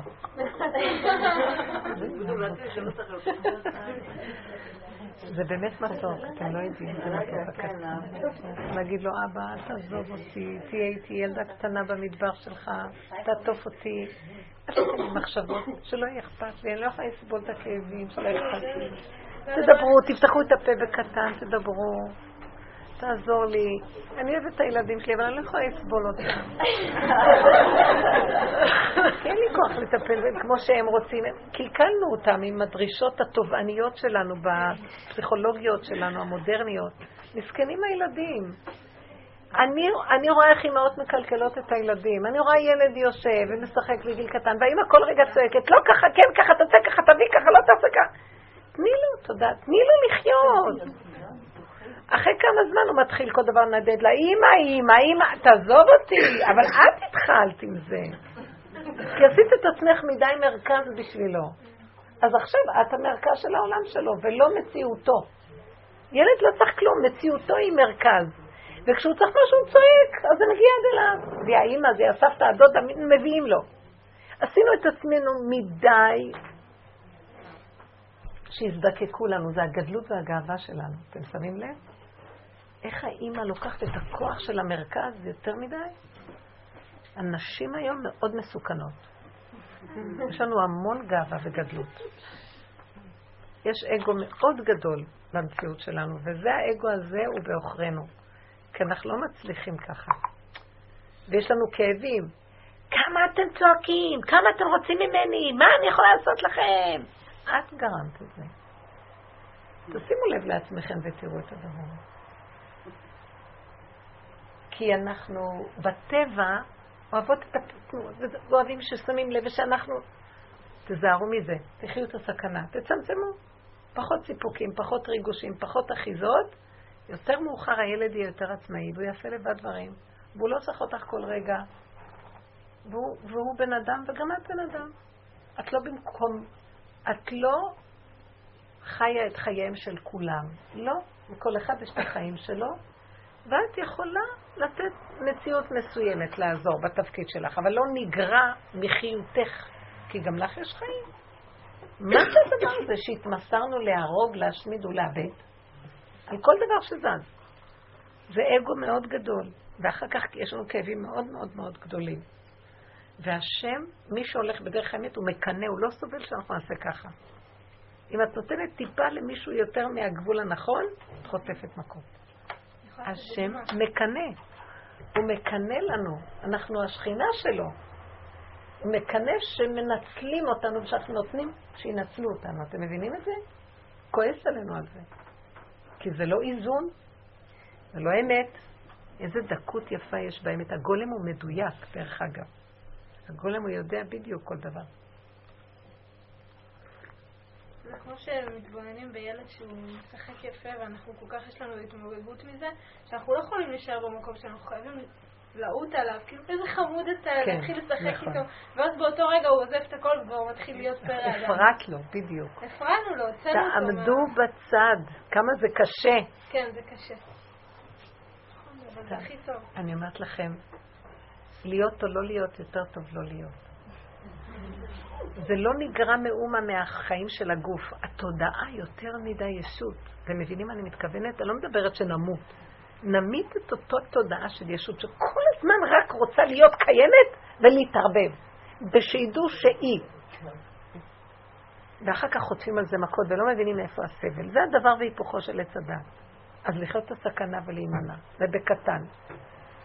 ואם היינו מחנכים את עצמנו נכון בגבוליות, הילדים היו פורחים, הייתה גילוי שכינה עליהם, והיו מוצלחים. וכלי על השלט שם, אני מבין.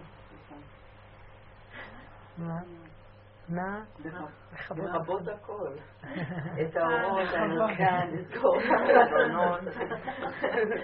תודה.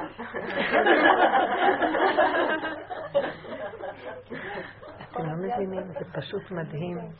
זה הלוך וחסור, הלוך וחסור, הלוך וחסור. כתוב שלעתיד לבוא, הלכה כבית שמאי בהדלקת נרות. ביום הראשון מדליקים את כל הנרות. וביום השני מדליקים רק שבע, ואחר כך רק שש. ואילו אנחנו היום כבית הלל מדליקים אחד, שתיים וכן הלאה. כי באמת, שמאי עושה את הדבר הנכון, הוא הולך הלוך וחסור. הוא הולך אחורה. הוא הולך אחורה, כי האמת נמצאת אחורה, והשכינה נמצאת אחורה. אמת מארץ תצמח. אז למה עשינו ככה, זה, כאילו, למה אנחנו עושים ככה כבית הלל? כבית הלל זה זמן הגלות. זמן הגלות, וזו שאלה טובה, זמן הגלות אנחנו, אנחנו, אה, מוסיפים. איך אומרים? אה, we cater, יש באנגלית, אנחנו אומרים, אנחנו משועבדים לתוכנת עץ הדת. עץ הדת, אכלנו ואנחנו אומרים, עוד קצת נגיע. אז עכשיו, יאללה, עוד קצת, עוד קצת, תאכלו אותה בקיצור, במילים אחרות. תאכלו את מה שעשיתם לעצמכם. אין, אין, אין אה, להימלט מזה. עד שלא נמצה את קובעת התרעלה, תשתו את כוס התרעלה הזאת. וכל הדורות אנחנו, עוד מעט נהיה עוד קצת צדיקים, נהיה יותר, נעשה זה, נלך זה. כי זה הדמיון של עץ הדת, ואנחנו אכלנו מעץ הדת, עכשיו אנחנו צריכים לעבוד ככה. אבל סוף הדורות וזה העבודה הזאת. העבודה הזאת היא המהלך של השלב האחרון. אנחנו פתאום מגלים, זה אחיזת עיניים נורא, אף פעם לא מגיעים לאף מקום. תראו איך העולם נראה. סוף הדורות, וכל הזמן אנחנו רוצים להיות עוד קצת, עוד קצת בתודעה. היינו צריכים להיות הכי טובים עוד מעט, לא? אנחנו הכי גרועים, זה דור של ירידת הדורות, שלא יאומן איזה ירידת דורות היא. אתם מבינים שזה בדיוק הפוך? איך זה יכול להיות? אם כל הדורות רק שפו וכל דור שואף יותר, אז היינו צריכים להיות הכי גבוהים. העניין אבל שאני הולך לחסר. איך? גדול, כי. כי, באמת זה בדיוק הפוך. ככל שאני מכיר כמה אני חסר, אז אני הולך נכון. כי מה, ברגע שאכלנו מע- מעץ הדת, נהיה איזה כיסוי של דמיון, שכאילו, זה נקרא כ, כאילו, וייתם כאלוקים. כאילו עוד קצת אני אהיה אלוקי. וזה מה שמפיל אותנו כל הזמן, כי אף פעם לא נהיה אלוקים. וכשבן אדם אומר, אני חסר, רק אתה השם ואני נברא חסר, שם מתגלה השם. כי הוא הודה באמת. ואת זה אנחנו לא יכולים להגיד. כל שיטת העולם החרדי, שהוא עולם התיקון הנכון בכל הגלות הזאת של העולם המקולקל, הוא מלא רבנות, רב, רב מלשון גדול. בארמית רב זה גדול. הכל בגדול. הגדלות, החשיבות, איזה משפחה חשובה, איזה זה חשוב, הכל, איזה שפיץ, איזה, הכל, זה השיטה. אבל הולכת להתפוצץ עוד מעט. רבותיי, אנשים עוד מעט הולכים למות. כבר זה נהיה בדיחה. כל הממסדיות, הרבנית, בדיחה, כל השפיציות כבר נהיית בדיחה. עוד מעט אנשים יהיו משוגעים. מרוב... ש... כי השם רוצה לפוצץ כבר, זה, זה הסוף, זהו. הוא רוצה להמחיש לנו כמה שזה. אין לאן להגיע, לאן אתה רץ? מה אתה רוצה להשיג? מה? תכלית הידיעה שלא נדע, תסכים, יסוד העין. גולם, שזה מה שהשם עשה, הוא ברא את האדם כגולם, עפר מן האדמה, כדי שרוח הפיו של השם נשם נשימה מתוכיותו, וזה מציאות העולם. בא עץ הדת, הזיז את הנשימה הזאת, הכניס הר של דמיון שכל הזמן זז זז, ואף פעם לא מגיע לאף מקום. באמת, זה מוזר. זאת האמת. לכן זה משגע פה השקר. אין לזה סוף. אף פעם לא נהיה באמת שבעים. אף פעם לא נהיה מסופקים. אומרים, אז זה טוב, זה... אנחנו שואפים להתעלות. לאן אתה רוצה להגיע? לעוף באוויר? מה? אין לאן להגיע. תשאף אחורה. תשאף שיתגלה השם עלינו, כי לנו אין תקווה. מאוד מאוד הווה שפל רוח שתקוות אנוש רימה. וזה ידוע, שההכנעה והענווה ושפלות אמיתית, לא של ייאוש, היא מביאה את רוח הקודש. כי הבן אדם יודע ש... ונחנו מה אמר משה רבנו. ודוד המלך אמר, ואנוכי תולד ולא איש חרפת אדם ובזוי עם. ואברהם אבינו אמר, ואני אנוכי עפר ואפר. והם היו אנשים גדולים שעשו הרבה עבודה, אבל הם הכירו שכל עבודה שהם עשו והשיגו, רגע אחד השם פתאום הסיר את הלוט ואמר להם, זה אני דרככם פועל, אתם גורנישט, אתם אפס מאופס. ואם הם לא נשברו שם, זה הייתה גדלותם. על שם זה הם נקראים הגדולים, אברהם אבינו, משה רבנו. כי יכלו להישבר, זה הכל, אז מה, אני לא עשיתי פה כלום? אז הם הודו באמת נכון. אני לא, כי הראו להם בחוש שהם לא מציאות, שזה הכל הדמיה. ועל זה הם נקראים גדולי עולם, שהם הודו באמת.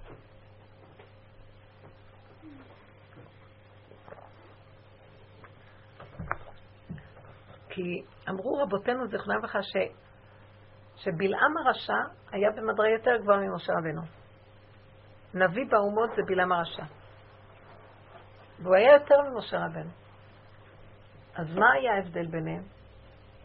שזה בדיוק הייתה נקודת ההבדל. שבלעם הרשע לא ידע שובעה. וגם במדרגותיו. הוא רצה להגיע ולהגיע ולהגיע. ומשה רבנו הבין שאין לאן להגיע. תכלית הידיעה שלא נדע. והוא נהיה שפל ועניו. אם השם ירצה, הוא יזכה לו לאיזה מדרגה, אבל מצד עצמו, הוא לא, הוא כבר לא שאף.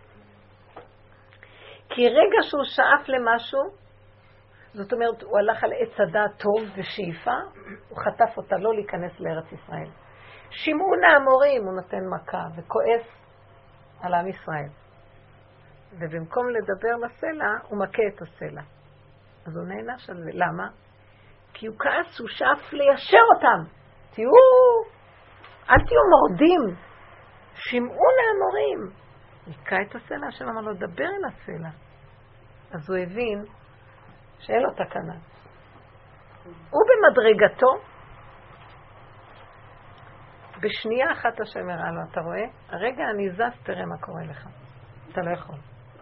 הוא הגיע לשיא השפלות. וזה היופי. יש סוד מאוד גדול בעניין הזה, למה, מה זה לדבר לסלע ומה זה להכות את הסלע. הסלע זה עם ישראל. זה השכינה, מסמל את הסלע. אבן, מה עשו הבונים, הייתה לראש פינה, הסלע. השם אומר לו, תלך ברכות עם העם. תדבר איתם. תרד למדרגתם. תבין אותם. אל תבקר אותם. אל תבוא מגבוה. קח את המטה ודבר לסלע. אז מה אתה צריך את המטה? אם אתה אומר, קח את המטה, אז זאת אומרת להכות. אז מה אתה אומר, לדבר אל הסלע? קודם, תדבר איתם רכות. תחזיק את המטה ביד. כי באמת צריך גם את המידה של לתת גבול ומידה וחוזק, אבל לא בלי הרכות של ההכנעה. כן יש מקום להגיד את הלא, אבל לא לפני שאנחנו נכנעים ונותנים לשני את המקום. כן יש מקום לחנך ילד ולהגיד לו לא ככה, ככה. אבל לפני שאת באה לבקר אותו ולצעוק עליו, תסתכלי על עצמך ותראי שאת יותר גרועה ממנו. ותתרככי אחר כך את יכולה לבוא ולהגיד לו מילה של חינוך, זה ממקום אחר. משה רבנו היכה, ישר, ועל זה השם כעס עליו. ואם אנחנו לא מתבוננים בעצמנו, אנחנו נכה. כי ההתבוננות יוצרת מצב של, וואי, תראי לך תורה מה הוא עושה שם? בטבע ישר את הולכת להגיב. להצדיק את עצמך ולהאשים את השני. באמת שאנחנו אומרים, תעצרי. אל תגיבי מהר. נכון שהוא עשה משהו לא טוב, אבל תתבונני בעצמך. את לא צריכה עכשיו לסדר את העולם. את יכולה לעזור לעולם, אבל קודם תעזרי לעצמך. אם עבדת עם היסוד שלך, השפל הנמוך, והעם שבתוכך, עכשיו את יכולה גם לעזור לשני. הוא יקשיב לך. כי את באה אליו ממקום שאת, שאת מבינה. תביני אותו. זה מקום אחר. אתם מבינות את המהלך הזה? זה המהלך של העבודה, אבל תמיד התבוננות פנימית ואחורה. בעץ הדת אין כזה דבר. את מבינה דבר בשכל, את ישר רצה להשפריץ ולצפות מהשני שהוא מיד יסדר את הפעולות שאת מבינה. מה פירוש? אמרתי לך, הסברתי לך. אתה בעצמך מקיים את מה שאתה אומר? קל מאוד לדרוש מהשני, אתם מבינים? הסברתי לכם, כמה אני אגיד לכם? עצם זה איזה עליבות יש באמרה הזאת. כי אם את צריכה להגיד עוד פעם ועוד פעם סימן שבאמת את לא מצליחה להסביר נכון, זה לא נקלט להם. אבל אם את תסתכלי בעצמך ותראי, ובאיזה מקום, תסתכלי ותגידי, אני, מה אני באה להגיד להם? אני בדיוק אותו דבר כמוהם. בכל אופן צריכים קצת לעורר את תשומת ליבם, אז קודם תעוררי את תשומת ליבך, תבקשי רחמים, ועכשיו תגיד להם, אתם יודעים ילדים, גם לי זה קורה שזה כך וכך, ואנחנו צריכים להתעקש שכך וכך וכך. זה חינוך טוב. ולא צריך הרבה, לא צריך הרבה ליפול על ידי בחינוך. הרבה לחזור אחורה, והדברים יישמעו להם, כי את עובדת נכון עם עצמך, ותראו עזרה גדולה בדבר הזה. זה בא ממקום של שפלות והכנעה. זה מה שלא היה לבלעם, כי בלעם היה עם פוטנציאל מאוד גבוה, אבל הוא כל הזמן בא בביקורת, הוא יודע דעת עליון, עץ הדעת, יודע, אבל מלא ביקורת. בשלום בית, זה נורא הביקורת שיש. כי אנחנו עובדים החלק החיצוני של הדעת. זה מקום שמחריב את הבית. תראו את הדבר, תחזרו לעצמכם. קשוט עצמך תחילה. קודם תחפש את עצמך ותתקן את היסוד של עצמך. מה אתה רוצה מהשני? אם אנחנו נתבונן בדברים האלה ונחזור אחורה לעצמנו, הרבה תגובות יימנעו. לא צריך לדבר, לא צריך להגיד. ממילא השם יסדר ויהיה בסדר. פתאום ייכנס לו בתודעה משהו שהוא רואה שהוא לא בסדר. מספיק לדבר ולתת מוסרים וויכוחים. שתוק. אפשר לדבר דברים פשוטים, חווייתיים פשוטים. טעים, נעים, תעביר את המלח. מה יש? אם יש איזו שיחה יפה. זאת אומרת, איזה, שימו לב, לדבר רעיונות זה מאוד יפה, אבל זה לא אמת. אז תני לבעל להגיד רעיון. הוא אוהב את זה, רעיונות. את יודעת איפה האמת. יש נשים שהרבה פעמים הבעל מתחיל להגיד איזה דבר תורה, הם מתחילים להתווכח איתו.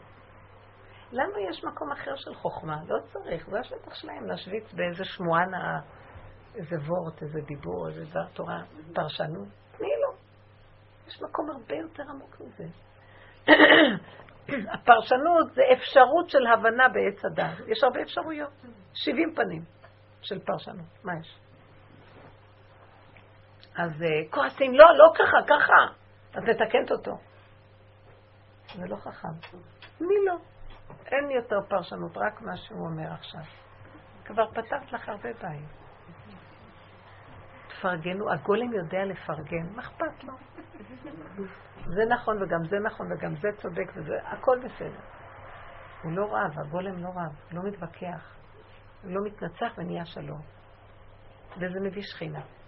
עכשיו תשאלו עוד שאלה. זה הנר השביעי, לא סתם שאני מדברת על, כאילו האלף השביעי, המקום הזה של השקט הפנימי, של הרגיעות. תחפשו את השלום, את השלווה. מספיק לריב ומספיק להתנצח ולהתווכח. אל תחשבו שהשקט, אם אני אעשה זה, אז יהיה לי זה, ואם אני רק אעשה זה, אז זה, ואם אני אתחתן או אני אעשה זה, או אני אעשה זה, אז יהיה לי, ואם יהיה לי עוד ילדים, ולא, ממש לא. עכשיו שיהיה לי מתיקות. מחשבות משגעות אותי לסגור את המוח ולצעוק, אבא, אני רוצה להיות גולם. טוב לי השקט הזה. עכשיו שקט לי, זהו. עכשיו, בשקט הזה יכול להכניס לך אינטליגנציה מאוד גבוהה, מחשבות גבוהות, הבנות מאוד עמוקות. את לא תהיי גולם סתמי. גולם זה הבסיס להכנה לאור חדש. זה כמו מחשב ריק. זה טוב. מוצאים את התוכנות הקודמות, ניסה פששש, כזה. הכנה לפרפר. איך? כן.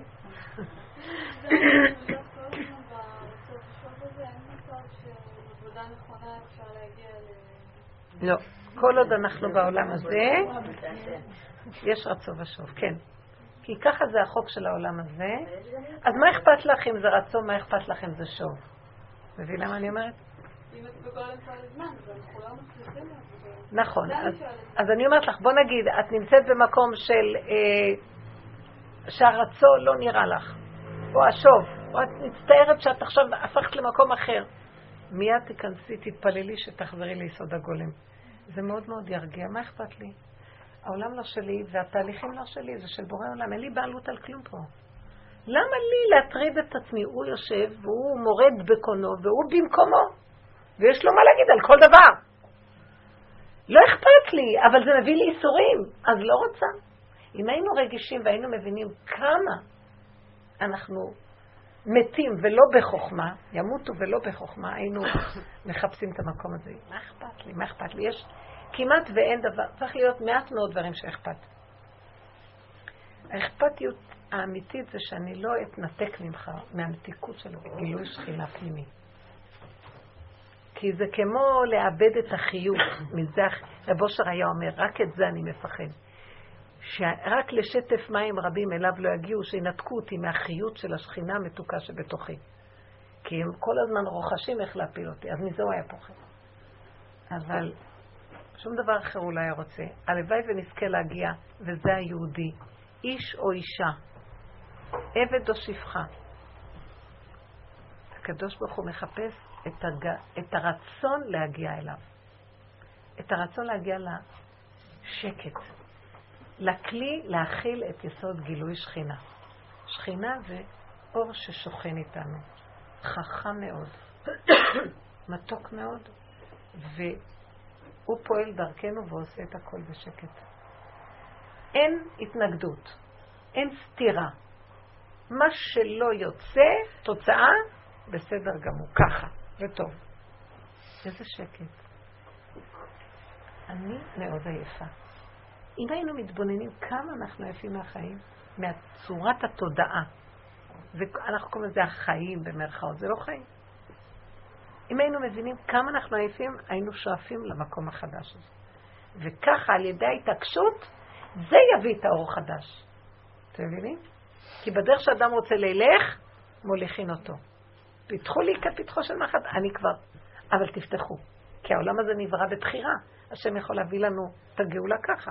אבל מה החוכמה? הוא ברא אותנו כדי, הוא שלח את הנחש, כל הבלבול הזה, כל התיקון הזה, כדי שבסוף נבחר בבחירה להיות במקום הזה. ואז יגידו לנו, בזכותכם גיליתם, השכינה חזרה ונתגלתה בנו. אתם קלקלתם ואתם תיקנתם. אז הוא יגיד לנו, מה אני בורא, אף אתה בורא. הבן אדם זכה למקום של גילוי שהוא כמו הבורא עולם. הוא אומר וזה נהיה. כי הוא חזר לחיבור הנכון איתו. איזה יופי זה.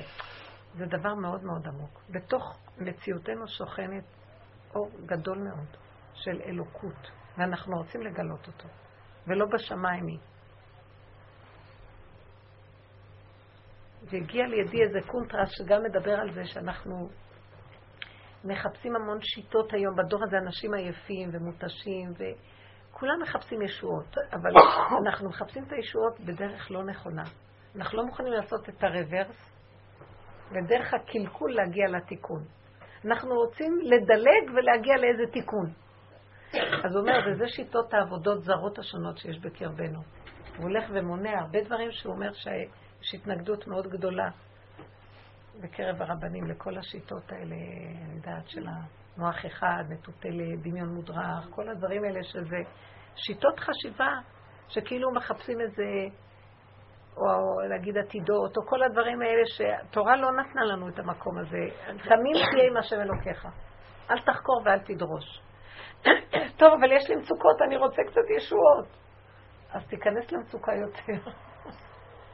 זה לא נראה סביר, אני רוצה ישועה, אתה מכניס אותי יותר למצוקה, למצוקה. כי אתה חייב לסיים את התהליך, אז עוד קצת אתה גומר את זה. למה אתה רץ קדימה לחפש פתרונות של הדמיות שונות? אתם שמים לב? אין. אין על ידי, אין לתקן על ידי הדמיונות החיוביים של עץ הדת טוב. ללכת אחורה ולהודות בקלקול, ולהכיר אותו, ולפרק אותו, ולא לבקר אף אחד, לראות את עצמי. שם יש ישועה למצב שאת מחפשת. גילוי אור חדש, שם הוא מגיע. זה התהליך להביא את האור החדש הזה. ואילו האור של הטבע, של החיובי, זה גם אור לעומת השלילי, אבל זה חיובי של טבע. זה אור של טבע. זה כמו גילוי השמש. בכדור הארץ יש שמש, והשמש זה האור שמאיר בכדור הארץ, בכל המערכת של כוכבי הלכת של כדור הארץ. אבל באמת, זה אור של טבע. לפני שהקדוש ברוך הוא תלה את המאורות, את השמש ואת הירח, הוא השתמש באור הגנוז. אחר כך הוא תלה את המאורות, ביום הרביעי. כתוב, יהי אור ביום הראשון, אז איזה אור? לא הייתה שמש, אז איזה אור נהיה? זה האור הגנוז, הוא לא תלוי לא בשמש ולא בכלום. זה אור של טבע, לכן אומר קהלת, אין חדש תחת השמש. כי השמש זה האור של תחת ההשפעה של השמש, יש אור. אבל זה לא האור שאנחנו מחפשים, זה אור חיובי, אבל זה לא זה. אני רוצה את האור הגנוז, את האור של האמת. אז צריכים לעבור דרך החושך לגלות את האור של האמת. אבל הנה, בחנוכה יש לנו הזדמנות, כי זה בדיוק האור הזה. אז לכן גם מדליקים את זה נמוך, כי צריך לרדת למטה. שמתם לב, מדליקים את החנוכיות נמוך. אה? כן. זה יפה. הכל הפוך, עולם הפוך ראיתי. נדמה לנו שזה רחוק שם ורצים, וזה בעצם אחורה. עציר. מה שדיברת על אה, יוסף וצדיק, שזה מתקשר גם למה שהיא אמרה, כאילו זה לא נגמר, השאלה הזאת שכאילו לא נגמר, כאילו יש לנו איזה דמיון שכשזה יפסיק לבוא הניסיונות, אז אה, ייגמרו החיים. ובעצם מה שאת אומרת פה, בדוגמה של יוסף, זה, זה מה שהעיר לי, שכשהוא יצא מהבור התחילו החיים. כאילו הוא שיבר איזה נקודה, הגיע למצב שמבחינתנו היינו אומרים, זהו, הוא ניצח, ועכשיו הוא יכול למות, כבר אין תיקון יותר, זהו, הוא תיקן. לא, השם אומר לו, כאילו, עכשיו מתחילים החיים האמיתיים שאתה מבוטל, ואני מניע אותך על החיים שלך בלעדיי האלוקים יענה את פרעה, בדיוק. זה כל הזמן גלים חדשים של חיים חדשים. ניסיונות ועוד פעם גלים וניסיונות, וככה, הצדיקים ככה חיים. ילכו מחיל אל חיל, אפילו בעולם הבא. הגוף הזה זז, אבל ממשיכים להיות שם במקום הזה. וזה הנקודה של לא להתייאש בשום אופן בכלל. וכל הדמיון הזה של אה, עוד מעט נגיע זה שקר. כי יש התחדשות מאליה. תעבור את התהליך הנכון. השיעורים, מטרתם להכניס אותנו לתודעה חדשה של חשיבה. ולא לתת לתודעה של הטבע להשתלט לנו. היא השתלטה, אבל בואו נכיר כמה שאנחנו נשלטים על ידיה וכמה אנחנו סובלים ולא רוצים אותה. זה המהלך של ההתעוררות. להתעורר לתרדמת שאנחנו נמצאים בה. אנחנו ישנים, אנחנו לא ערים. פראיירים גמורים. אתם לא יודעים כמה שהמילה הזאת, השם שונא פראיירים. אני כל פעם רואה. טיפה אני מרגישה שמישהו מנצל אותי, אני לא יכולה לסבול. מה זה מנצל אותי? אני נותנת לו ש...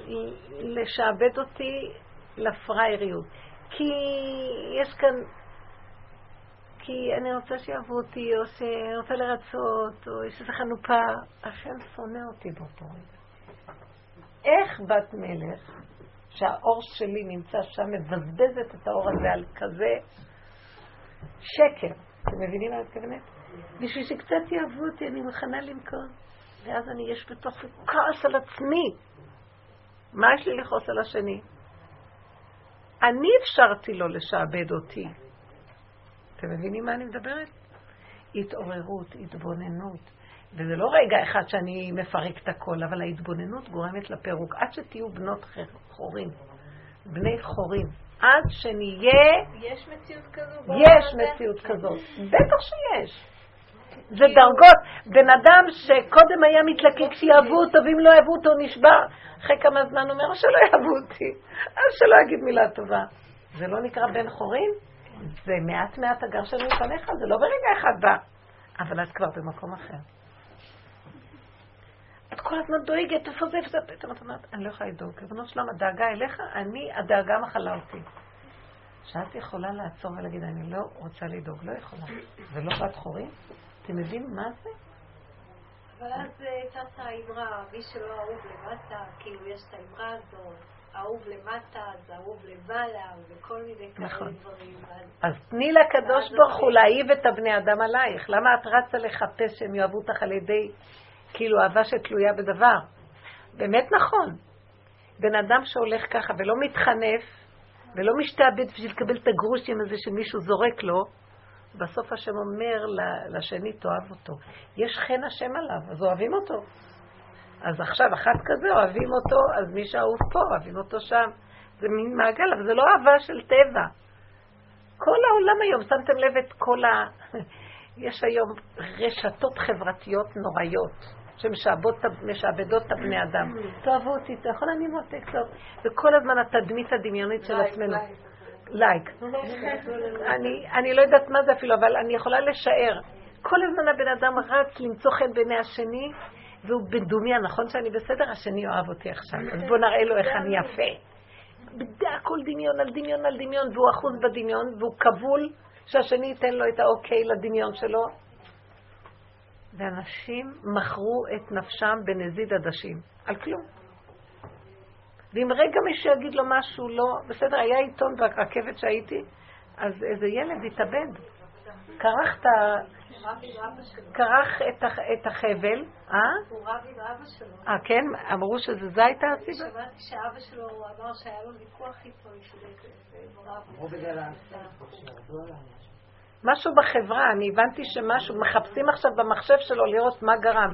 משהו בחברה שלא פרגנו לו, החליש לו את הערך העצמי ואת הביטחון שלו. ריבונו של עולם. יאללה, מי הם כולם? עצים מהלכים. לא, אני לא מזלזלת בכבוד האדם, אבל הדמיון שלי עושה מהם משהו. ואז אנחנו... אה, מי הם כולם? מי אני בכלל? שקט כבר. העולם מסוכן.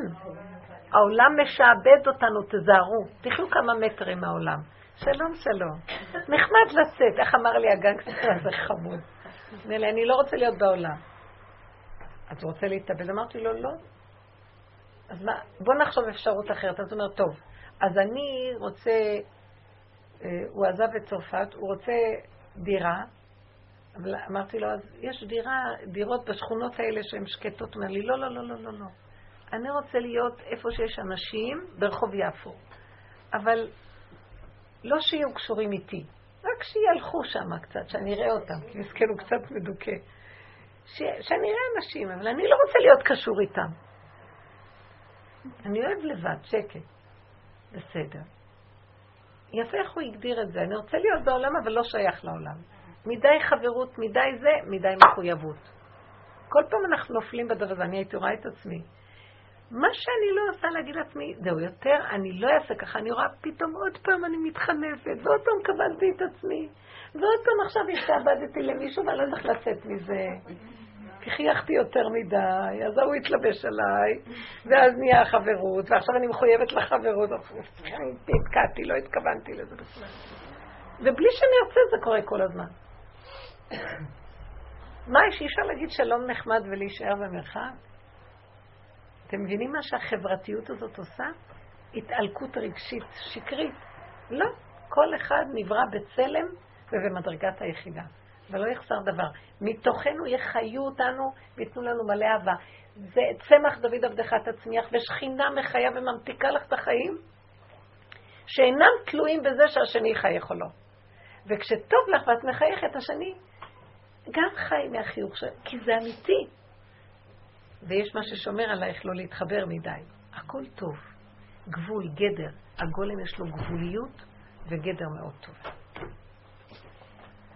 מחר זה הנר השמיני, מחר זה האור הגנוב. שלם. תסתכלו בחנוכיות. קחו איזה עשר דקות לשבת ליד החנוכיה. תבקשו מהקדוש ברוך. שיזכה לנו שנהיה צינורות שלו. שבאנו לעולם אנחנו רוצים להיות קשורים איתך, ריבונו שלם, להיות צינור. כי זו הייתה תכלית בריאת ויצירת האדם. תראה מה קרה לנו. זרקנו אותך מהעולם ומילאנו את הראש מלא אלילים, ושקרים, ורגשיות, ומחויבויות, והבנות. ואז אין לנו אותך. אנחנו, תוריד עלינו את האור חדש הזה, אור של מתיקות ורגיעות. יש בו המון חוכמה, אינטליגנציה מדהימה. אור חדש. ואמת פשוטה. ושפע, ועד אלייך בלי מאמץ עמל והגיע, של הששת אלפים של העבדות. ששת ימי השבוע זה עבדות. אנחנו רוצים את השבת. באמת. אל תדאגו, יהיה מה לעשות. שקט. אפשר לעשות בשקט המון דברים יפים. אפשר, אפשר לעשות דברים מדהימים, יצירה ושמחה, ואפשר גם, יש אינטליגנציה מדהימה של לימוד, אבל שיהיה ברמה. לא גיבוב אינפורמטיבי של ידע, ואז אנחנו מתחילים לסחור בזה, מי יותר יש לו עוצמה שהוא יודע יותר מהשני, ועושה מניפולציה לשני, לשלוט עליו כי הוא יותר חשוב ממנו, כי הוא יותר יודע. אנחנו גנבים, וזה נורא, זה השקר, והשם יזכה לנו. עם מדרגת האמת, והאור החדש, וגילוי שכינה, ומתיקות עולם, ואהבה שאינה תלויה בדבר, ואחדות אמת. וזה יסוד הגאולה. ושנחווה אותו עוד לפני שהשם מביא אותו, שהוא יבוא, הוא ימצא אותנו כבר בגאולה. זה טוב. אם, כשהקדוש ברוך הוא יבוא לגאול, הוא יגיד, או, oh, זה, זה, הם, אלה, עליהם נאמר, מה אני בורא אף אתה בורא, כי הם עבדו עוד בתקופת החושך להשיג את האור. זה לא דומה שהשם בא ומביא אור, מחלק את האורות. וגם אם הוא יחלק לנו ואין לנו כלים, מה נעשה עם זה? אתם מבינים? לכן זאת העבודה. והשם יזכה לנו, תלכו בדרך האמת, תראו ישועות. יזכה לכולנו. כן יהי רצון. תודה רבה מתוקות. תודה רבה. ישועות. בכל העולמות ועל ידי רק שאני אשאל אותה, מי לוקח אותי? מי לוקח אותי? אה, מכאן לבנימינה כמה זמן צריך? בנות, מי שיכולה אה, להצטייב רבע שעה. שיעורים, ככה אנחנו נוכל להמשיך להריץ את השיעורים האלה. כן. את נוסעת? גם כשאת מתקדמת. אז בסדר, זה אפשרי? מה, אפשר לשמור אותך. חיה בית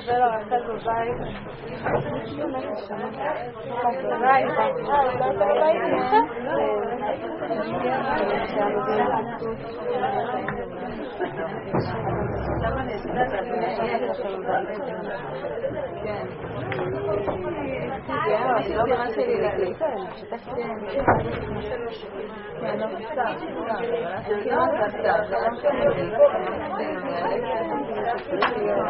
רגע, מיכל רק גם ענתי לו את היום ראיתי לו עכשיו אני רק רואה את זה לא ראיתי גולם. גולם. מה איתך בצלם? איזה גולם.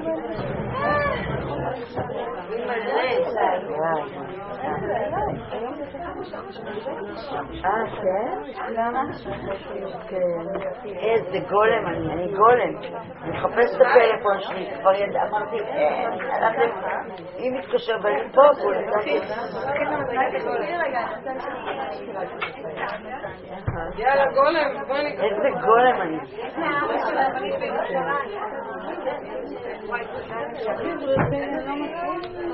שלח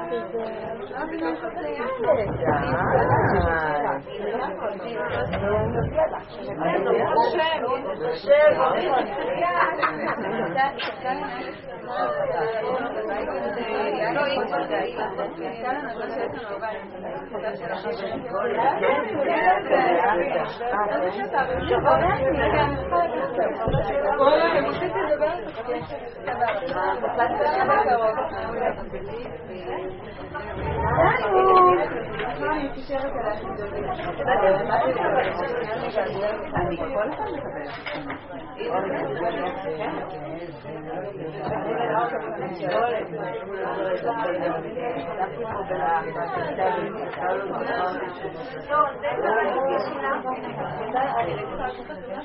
איפה היא? העירה? יואו, אתה מבין את זה? אתה מבין? אתה מבין את זה?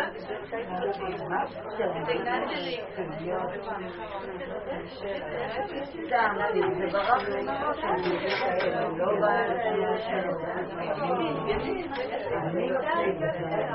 לי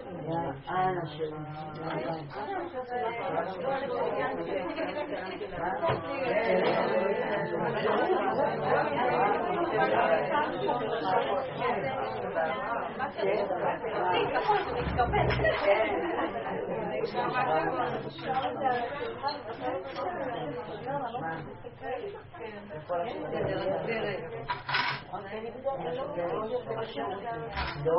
כל הזמן.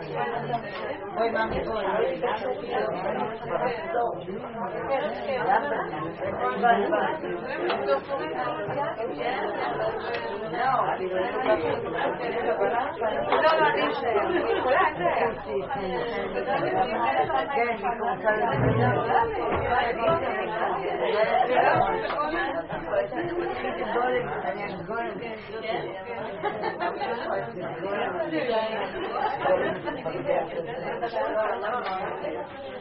מאמי, בואי.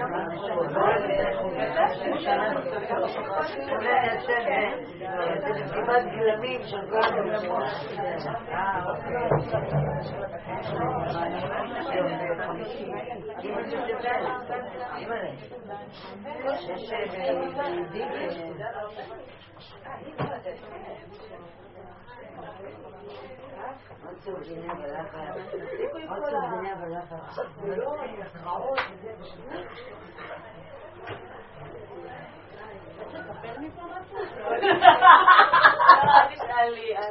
לא שאלתי. לא שאלתי, אבל היא...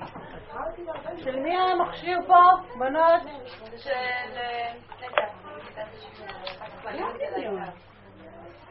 איזה אתר? יש את השיעורים באתר, את לא מכירה את האתר? מה שהיא אמרה, איפה אומרים לך בשפה ברורה? היא אמרה לי פעם, מה באמת? אני לא בשפה ברורה? זה רק שלך? מי פתח לה את זה?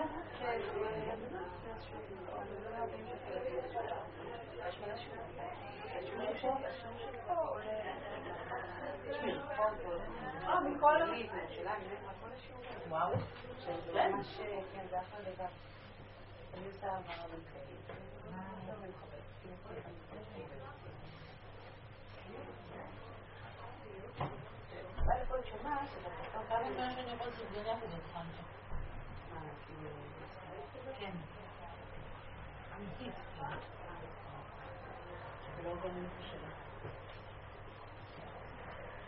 טוב, אני ככה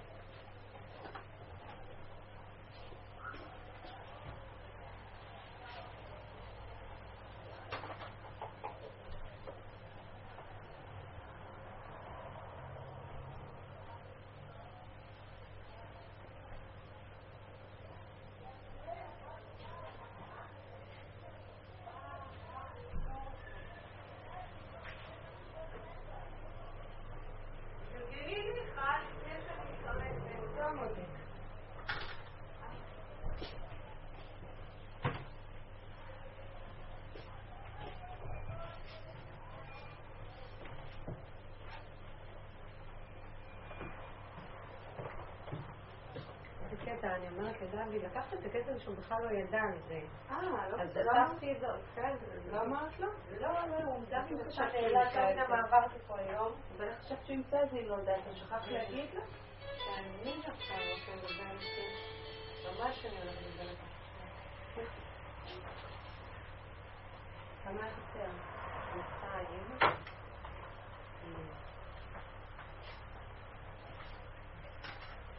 היו הרבה שיבאות בדרך כלל שלא הגיעו היום.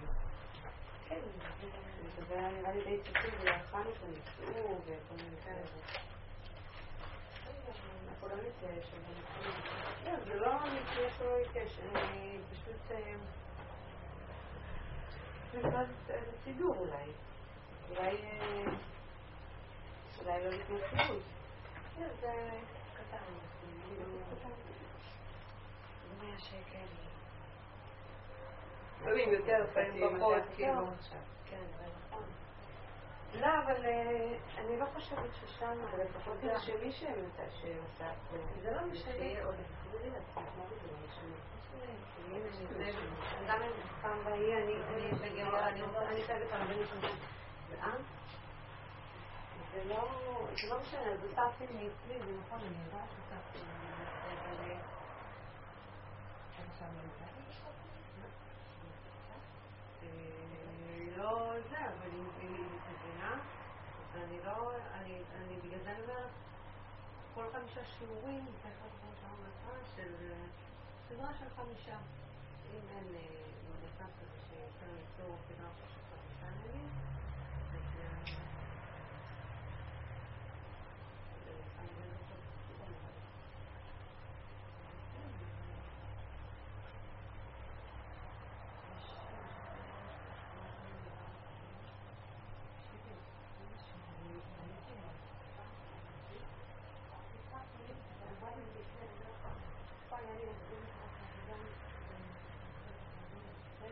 אני לא זוכרת.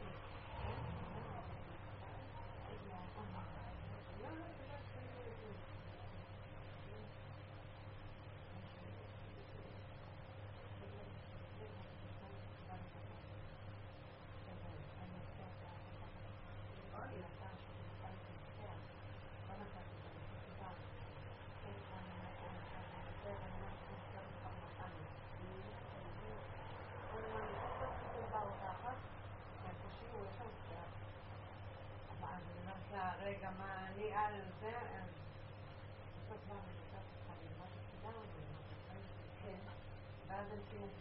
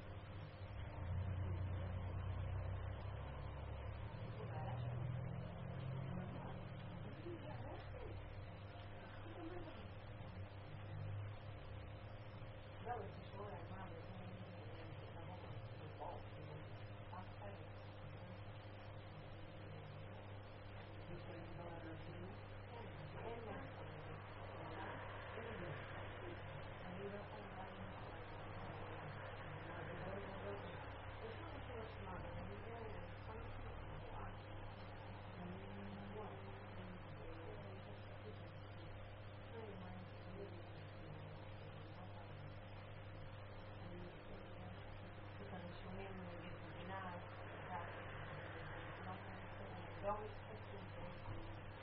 זה לא שייך. לא, זה גם אני לא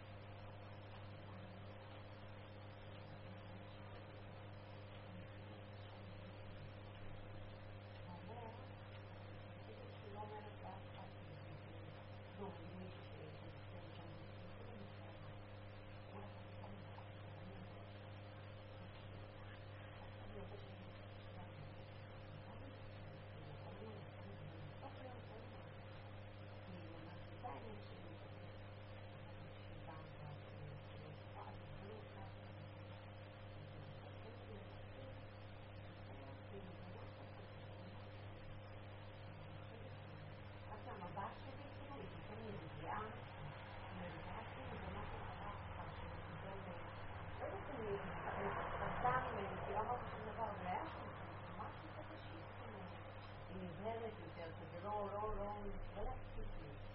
כאילו...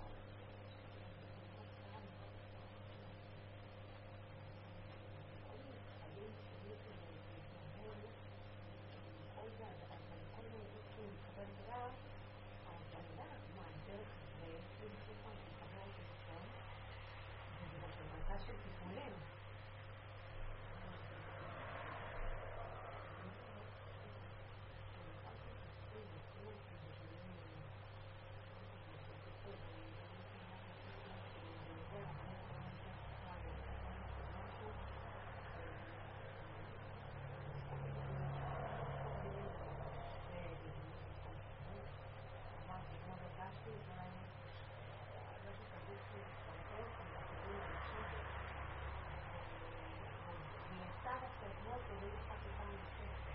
עשר שעות זה כאילו, אם זה לא בלמון, וזה ממש כאילו שם, וזהו, והשקט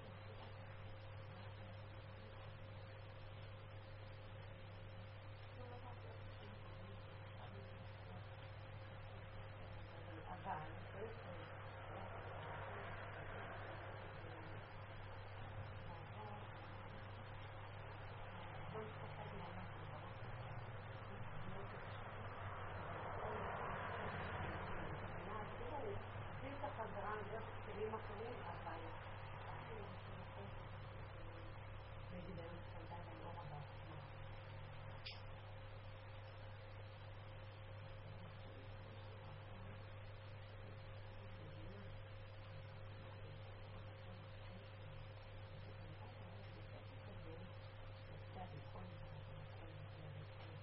נורא סתם, ממש פנימה.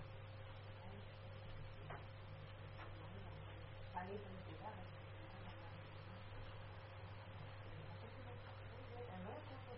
כאילו, ואז היא הבינה, ראיתי שהיא הבינה שקלטה בעצם שאני במקום, היא ראתה שהיא מבינה שאני בכפייה, וכל מיני, כאילו פתאום יש מקום כזה שהיא יודעת בעצם היא לא מאיימת, היא לא, ויש פה נורא משהו, כאילו משהו אחר בכלל שמנהל, אבל אני חושבת שזה נכנסתי, וראיתי באמת שקט כזה. וראיתי איך היא כאילו רצתה כאילו שיש לי מקום ככה של... ככה וככה וזה היה ככה, כאילו, אין מקום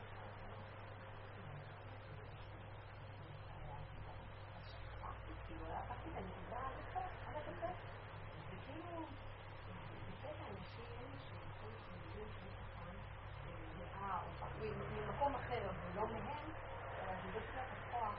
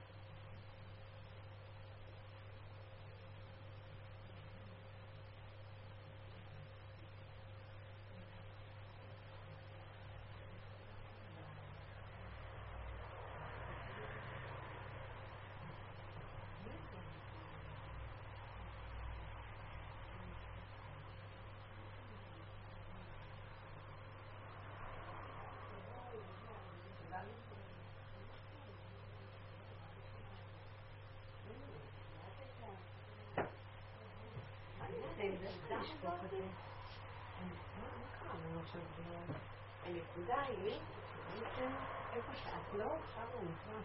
כן. שם הוא נכנס ונותן לך באמת איזשהו שקט כזה, אף אחד לא מתקרב אלייך ומה נמצא עם זה כזה. אבל אני אפשרת את זה לשפוך את זה באיזשהו מקום. רגע, המציאות שלך לא ישרה.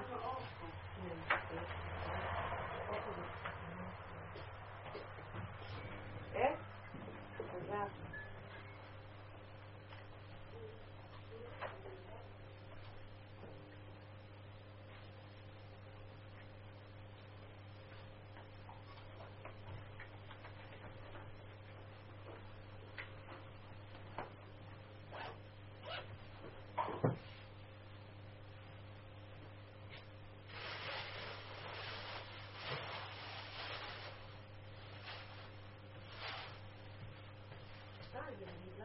נראה לי שזה כזה עיני, שכשאין אף אחד זה...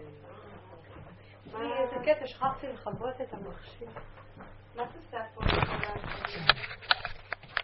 אני פשוט אארוז אותם בחזרה.